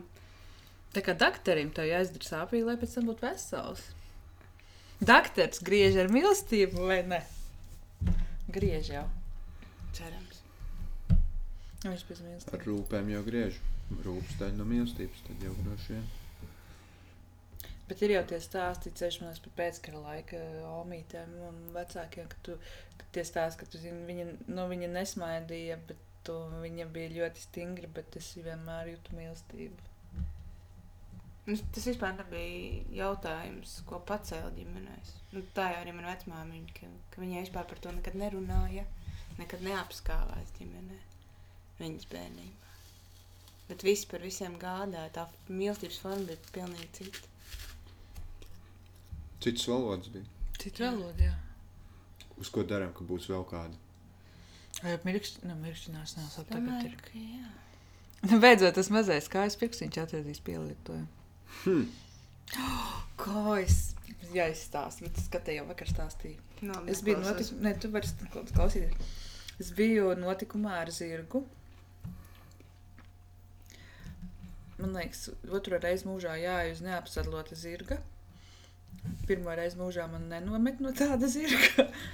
un, uh, bet, un cik normāli skaisti viss tas tā notika, bet uh, zirgam izrādās, viņam kaut kur kasās, un tu viņam palīdzi kā to pumpu vai ko tur pakasīt. Viņš pateicībā, viņš zirga barā dara tā, ka viņi viens otru ieskā ar lūpām tā cieši. Un man masē muguras tas zirgs. Viņam saimnieks kasīja kaut kā dod sakost vietu, un viņš man ritīgi masē plecus. Ritīgi smuki bija. Bet tas tev nevar izstāstīt, ja nu, tas ir jāpievis. Vispār ar tiem zirgiem ir ļoti interesanti. Viņi ir ārkārtīgi jūtīgi dzīvnieki. Ļoti. attiecībā uz cilvēku. Un, um, kas ir interesanti, ka vis, visdažādākajās Latvijas vietās, es ekspedīcijās, agrāk vai vēlāk nonāk pie stāsta par zirgu. Un, uh, parasti zirgs ir vai nu brīnumains glābējs kādā situācijā, vai arī dzen, zirgs ir tas, kas uh, pasargā cilvēku. Piemēram, bija stāsts Dundagā par meitenīti. Un viņa bija apmaldījusies un nonākusi kaut kā pilnīgi tilta vidū un pilnīgi apstulbusi. Nevar nekur tālāk tikt. Un pēkšņi milzīgs zirgu bars, vai viņi kaut kur bija ar mīniekiem izbēguši, vai kas. Un viņi traucās pār tam tiltam, tad milzīgi masa. Viņi visi apiet to bērnu. Viņi arī ir tur kaut kādā pilnīgā fugā. Un, jā, un viņi to atcerās kā tādu lielāku izglābšanu savā dzīvē. Kā tas zvērs viņu sajūtas. Atsaucoties uz šo, nu, nevis šo stāstu, bet uz to manu stāstu par to bubinātāju zirgu, kurš man plasiņas masēja. Mums bija notikums, kurā bija paredzēts atklāt viesnamu. Nu, viesnam tā kā veci zirga staļi, kuros jau pie, piecas gadus atpakaļ vēl dzīvoja zirgi, bet vairāk nē. Un tad uh, viņi domāja, ko ar to stālu darīt. Un Es domāju, uztaisīt tā kā guļvietas, nu, tā kā priekš viesiem, tam vie- vie- viesnamam, tur šobrīd viesnams blakus ir. Un visādi notikšana, tad paredzēta liela atklāšana tam zirgu stālim. Mēs tur visu kaut ko izdomājām, kā tur to varētu būt, saicināti kā ciemiņi. Un kaut kā tajā pēcpusdienā neviens neierodās. Bet ierodās kaimiņš ar zirgu. Un, uh, un tur nu, skaisti ir deviņas tēliņas, tēliņos ierīkotas gultu vietas. tā- Nu, ļoti mīlīgi, mājīgi un vispār. Un, un es izjūtu, ka tas zir- zirgs ir jāved tur cauri. Un jāsabildē bildes ar zirgu. Un Tas it kā, tā kā saknē bija plānā paredzēts, bet kas izrādījās tas zirgs, zirdzene, kurai jau ir 18 gadi, ka viņa tajā zirgstālī savulaik ir dzīvojusi. Un bija tik ārprāts, es nevaru izstāstīt to, kā man ka tā zi- mm, luka, ka viņa tika vesta cauri tam zirgstālim, ka viņa apstājās pie savas tēliņa. Tur viss ir mainījies, ka vispār viss tas stāvs ir mainījies. Kā viņi reaģēja, kā tur tas, tas bija tāds ārkārtīgi. Nu, jā, tā tie ir tie brīži, kad es saprotu, ka kāds saka, ka dzīvniekiem nav dvēseles, viņš ir absolūts idiots. Nu, tur viss, nu, tā zirgā bija visas atmiņas iekšā vienkārši. Un tā. Viņa izrādās galā turpat kā viņas dzīvē tā luka, bet tā. Tā, jā, un savukārt arī tā saimnieka mīlestība uz to zirgu, un tā mūsu komunikācija ar to zirgu. Tāda ir kaut kā jā, cita līmeņa. Bet Zirga gaļu es nevarētu ēst, ja es zinātu, ka tā ir zirga gaļa. Bet citu gan. Nu, citu es ēdu tagad. Bet es vāli droši vien nevarētu apēst, un haizīvis arī nevarētu apēst. Bet. Vēl gan nevajag ēst. es pat arī haizīvi nevarētu apēst. Nevis tāpēc, ka pretīgi, bet tāpēc, ka man žēl. Pērtiķa es nevarētu. Es pat domāju, ka es sunu un kaķu varētu. Bet, bet šo, šobrīd vispār esmu pārdomās. Man liekas, ka kaļi nav interesanti vairs. patikt. Jā, tas man atkal uzvedināja. Es dūlos stāstu Rīgas laikā, man liekas, tas bija februāra numurs, kurā bija Ļeņingrads blokāts cilvēku ir- atmiņas. Ka viņi viens otru kad es mazliet nu, izvelku salmiņu, kuru tu tēdīs. Kopīgais ģimenes Mm. labuma vārdā. Un tas man liekas tāds liels pārbaudījums mīlestībai. Jā. Man tādā ziņā patika viena saruna ar Antu, kurā mēs par apdrošināšanu runājām. Un viņš teica, ka īstenībā ir pavisam vienkārši patiesība jāapdrošina tas, kurš mājās nes naudu. Saka, lai cik nebūtu stulbi, to mīļāko, nu, ja tev, nu, mazais bērniņš man mīļāk, nu, viņš, viņam kaut kas notiek, bet, ja neskait to dvēseles sāpi, tev nekas no tā nemai, nu, nemainās tavā, nu, pārējiem ģimenes locekļiem. Bet, ja nomirst naudas gādātājs, nu, pavada turētājs, tad visi to jūt uzreiz. Mm. Ja tas nu, par tādu, jā. Un es domāju, šajā tajā blokādes skatījumā tev vats salmiņu izvēl tētis. Droši vien, ka tur arī bija sadalīta, kurējai būs vilcēji. Es kaut kādu filmu par, par bandīšiem uz salas skatījos, kur viņi viens otru apēd galā. Mm. Tāpēc par to ir tik daudz anekdošu visā tur vientuļām salām un salmiņu vilkšanā. Každam pa jogurtu izpaķi. Un tu teici, es nestāstu. Rupsanīnotas. Labi, dāmas. Būsim skaisti parunājuši. Tas bija jauki. Mierīgi. Negaidīt. Es domāju, ka šonadēļ neiznāks saruna. Tā kā ārprātīgi daudz darba. Es domāju, ka šodien nebūs. Kad nav ko spiest, ja nav. Nu, Ko tu jau nespiedi, viss notika. Ah, nu jā, es domāju, labi, ja jau notiek viss, tad ko tad es, kas es esmu, lai iebilstu? Reizēm vienkārši var pateikt, jā. A, kā tev ir? Tu runā, tev diezgan daudz cilvēkiem esi runājis. Tu biji pirmā? Mm. Es biju pirmā un otrā. Bet, uh, a, kā tev, katra tā saruna ir pilnīgi savādāka? Kā tu jūties? Mīlestība idejas kā lielums jēdziens ir viens. Mm. Kā tu pats sevī, ka tev ir jārunā, jāreflektē ar cilvēkiem? Kā tu pats tajā jūties, ka man tev jāstāsta, ir, nu, nu, šobrīd tev tāda doma vai nākušies citādāk, ka tev jāatkārtojās ir. Um, Vai tev nesanāk atkārtoties? Sanāk atkārtoties. Bet um, es zinu, ka ir cilvēki, kas klausās visas sarunas. Mhm. Un, uh, un tad viņiem droši vien nāks dzirdēt kaut kādas lietas no manis uh, vairākas reizes. Bet, Um, nu, Cities, ka tu to nevari apiet, ja tu tas esi, tad tu tas esi. jā, nu, man, uh, redz, šīs jau nav intervijas. Jā. Tāpat kā jums ir ko teikt, tāpat man ir ko teikt. Un, uh, tad mēs kopā varam kaut ko pateikt un kopā kaut ko atrast priekš sevis. Un tāpēc arī tās sarunas nav tādas, es jau neeju jautājumiem pie tiem cilvēkiem. Uh, vienīgais jautājums ir, kā tev šķiet, kas ir mīlestība. Un tad jau arī sākam runāt, vai runāsim par attiecībām, vai runāsim filozofiskāk, vai dziļāk meklēsim kaut kādas atbildes, kā kur reiz. Un skaidrs, ka es atkārtojos. Bet uh, tie, kas klausīsies sarunu ar viņu, tu iespējams tās lietas, kuras es sāku dzirdēt pirmo reizi. Un jau, nu, nav jau tā, ka es katrā sarunā pasaku vienu un to pašu, jo vienkārši mēs katru reizi runājam par kaut ko citu. Mm. Uh, bet uh, es ļau, ļauju tam, no savas puses vienkārši runāju. Tad, kad man ir kaut kas, ko teikt, tad es saku, un, un, un ja nav, tad nav. Un uh, kādam tas, ja ir kādam tas jādzird, tad kāds to dzirdēs. Man liekas, ka šajās sarunās ļoti daudz ko dod klusums. Tas parasti tas lielais jautājums, Mhm. ka tu pats kaut kā sprīdis sarimsties, un tad tev atnāk tā atbilde. Bet bez jautājuma. Man ir, man, man ir bijušas sarunas, kuras pats priekš sevis man ir tāds, wow, šo es nezināju par sevi. Šo es nebiju, šādu jautājumu es sev nebiju uzdevis, un es nebiju meklējis atbildi tam. Un, tā, tā, tas tad priekš manis ir arī ļoti daudz. Ja redzi, redzi, tas ir nākošais līmenis. Uzdod vēl citu jautājumu, kas tev līdz šim nav bijis. Vēl tālāk par to, pie kā tu esi apstājies. Tas ir kā, tu domā, tu... Un tu attīsties ar šīm sarunām, daudz līdz ar viņu. Ja, nu, redz, uh,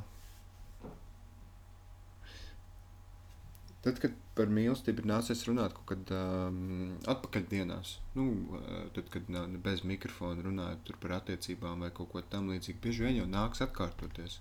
Ai, šito jau es zināju, ai, šito es arī zināju, nu, bet kaut kā nesanāca šoreiz un tam līdzīgi. Un tad tu satiec kādu, kam ir tas pats, un jūs atkal maļat vienu un to pašu, un jūs maļat un maļat un maļat. Un jo tu vairāk tajā visā sarunu procesā esi, jo lielāka iespēja, ka tu nonāksi pie kaut kā tāda, kur tu, cit, graudi jau jā, tu citkārt nebūtu pie tā nonācis, ja tu par to nebūtu runājis. malis. Mm. Un, uh, un, un jā, es, es, es saprotu, ka man katru reizi nāks nākt, un man ir kaut kādas stabilās pārliecības par kaut kādām lietām, vai kaut kādas teorijas, ar kurām es gribētu padalīties, vai sajūtas. Un tad es ar viņām dalos, bet uh, viņas uh, mainās reizēm un mutē. Un reizēm ir tā, ka tu nonāc pie kaut kā, wow, šo es nezinu. Tas ir liekas līdzīgi kā ar mākslas darbu radīšanu. Tev ir kaut kāda doma, šajā gadījumā pieņemsim tā ir mīlestība. Tad uh, nofokusē kaut kā mēģini saprast, kas tas ir pa lielumu. Tad tu viņu groži šitā un tā un šitā, apskat dažādas teorijas, arī dažādas tur tās antitēzes un visu kaut ko, kas tas varētu būt un kas tas varētu nebūt. Un, un tā ideja par to mīlestību apauga ne, nu, tad barokāli, tur viss. Tur no dažādiem, dažādiem aspektiem. Un tad nāk, nāk, man liekas, ka pat fizikā ir tas burbulis, kas izplatās, un tad viņš saraujās atkal. Un, uh, un tad vienā brīdī tās informācija kūzma ir tik liela, ka tu sāc mest malā visu lieko, nu, tā kā par cilvēku runāja, ka nu, varbūt viss ir par daudz. Un tu no, atgriezies atpakaļ pie tās. Un tur jau ir tajā reakcijas izplēsties, sarauties. Procesā izkristalizējusies tā, tas īstais spīdels. M- Nu, vai mākslā vismaz tā ir. Ar idejām viņa apaug, izaug, un tad ir galā tas, ka, tas ir tas, ko es ar savu pieredzi, savu saprašanu varu no tā izveidot. Vai tas, kas galā tur pareizāk sanāk. Kādā ziņā mākslā izējot šo apli, interesantā kārtā viņš galā no tās idejas, nu jā, laikam tas ir ideja un materiālā realitāte, tas veids, kā viņš materializējās, kad viņš izauga uz baroku un tad atgriežas atpakaļ jau kā materiāls, jā, jā, piezemējās formā kā materiāls lielums. Varbūt ar mīlestību kaut kā līdzīgi. Vērt cilvēku. Vērt no Tā cilvēku. kosmosa piedzimstam pavisam mazā, neaizsargātā, muļķīgā, neko nezinošā formā. Jā, varbūt tas, ka tā mīlestība arī ir tāda vesela sēkla, kas kaut kur ir bijusi, tad viņa ir hu, un atgriežas atpakaļ. Ot, izskats ir Artūrs, izskats ir Kata. Arī tās mūsu idejas par to ai- aizdodās visumā kā sēkliņas, tādas vienkārši, nu, metaforas. Un atgriežas atpakaļ kā tāda fiziska lieluma. Mm. Komēdijas un metafors. Un tad jautājums droši vien ir tas, ka tas, ko mēs saucam par to, un viņa ir tā pieredze vislielā, tā barakālā ir beigās sakoncentrēta tajā vienā, nu, mazajā mākslas, nu, mākslas darbā. Ar visu viņa- lielo potenciālu. ar visu lielo visu potenciālu, un droši vien es tagad tikai arī tādu gudrējos. Varbūt, ka tās viss ir atkarīgs no tās jaudas, ar kāda tā doma ir pašaut augšā. Tas jautājums.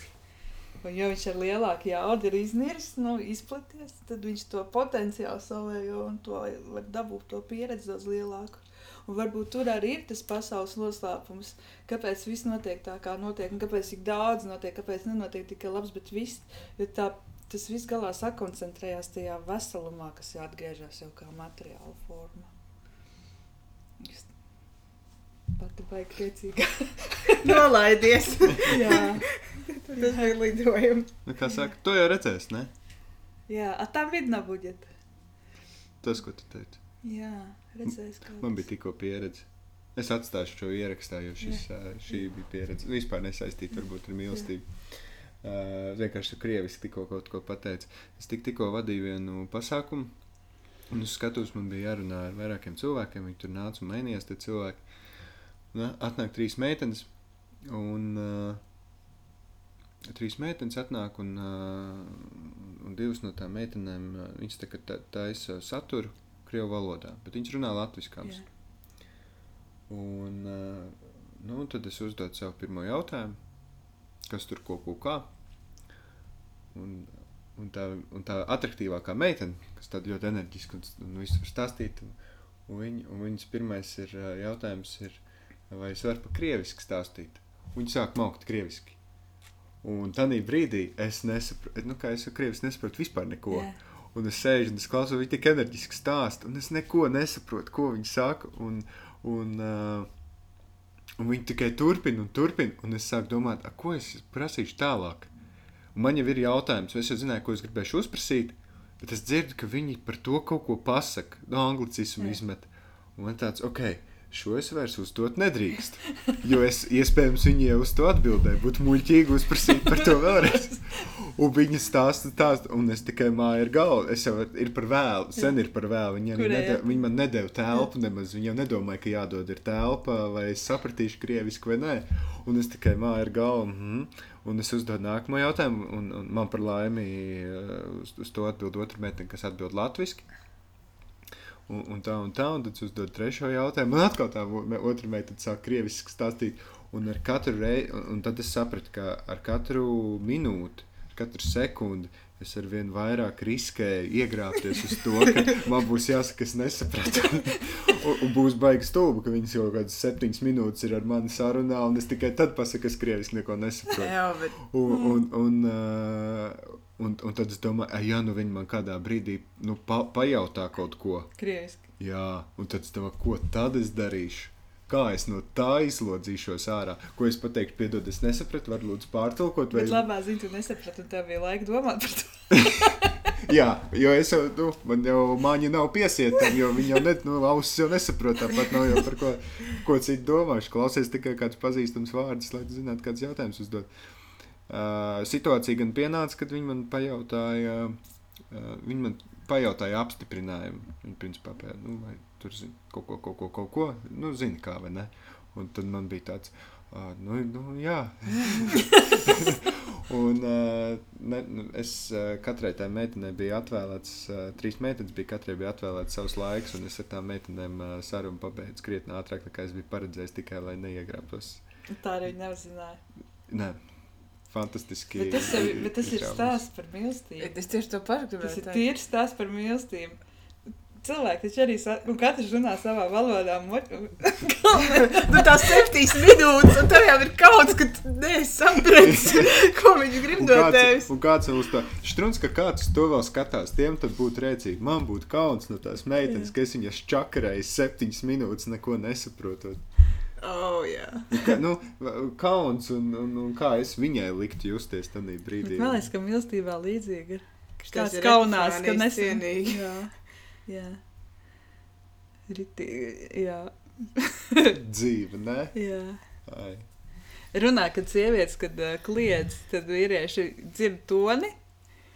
Un, un tālāk viņi vairs neko nedzird. Viņi tikai skatās, un viņi dzird to, to, to frekvenci. Kā zvanu. Tā kā zvanu viņiem ir, vai, vai, vai, vai, vai viņi kliedz, viņi kliedz, un viņi vairs neko nedzird, ko viņiem viņi mēģina iestāstīt. Un tad viņi vēl galā pasaka, tu ar mani tādā tonī. kaut ko. Un Un es tevi nesaprotu. Jā, es tevi nesaprotu. Tu visu laiku stāst.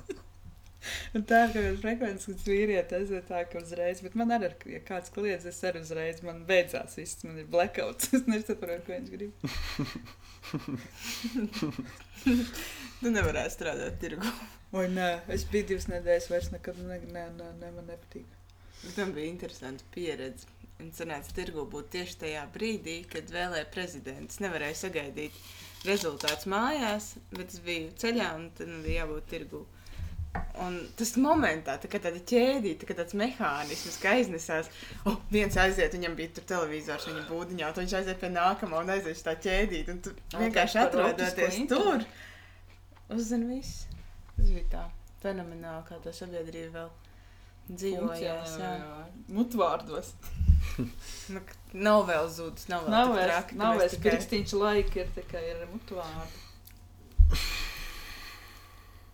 Paldies jums. Pats paldies. Pats, pal- pats paldies. Paldies! Klik.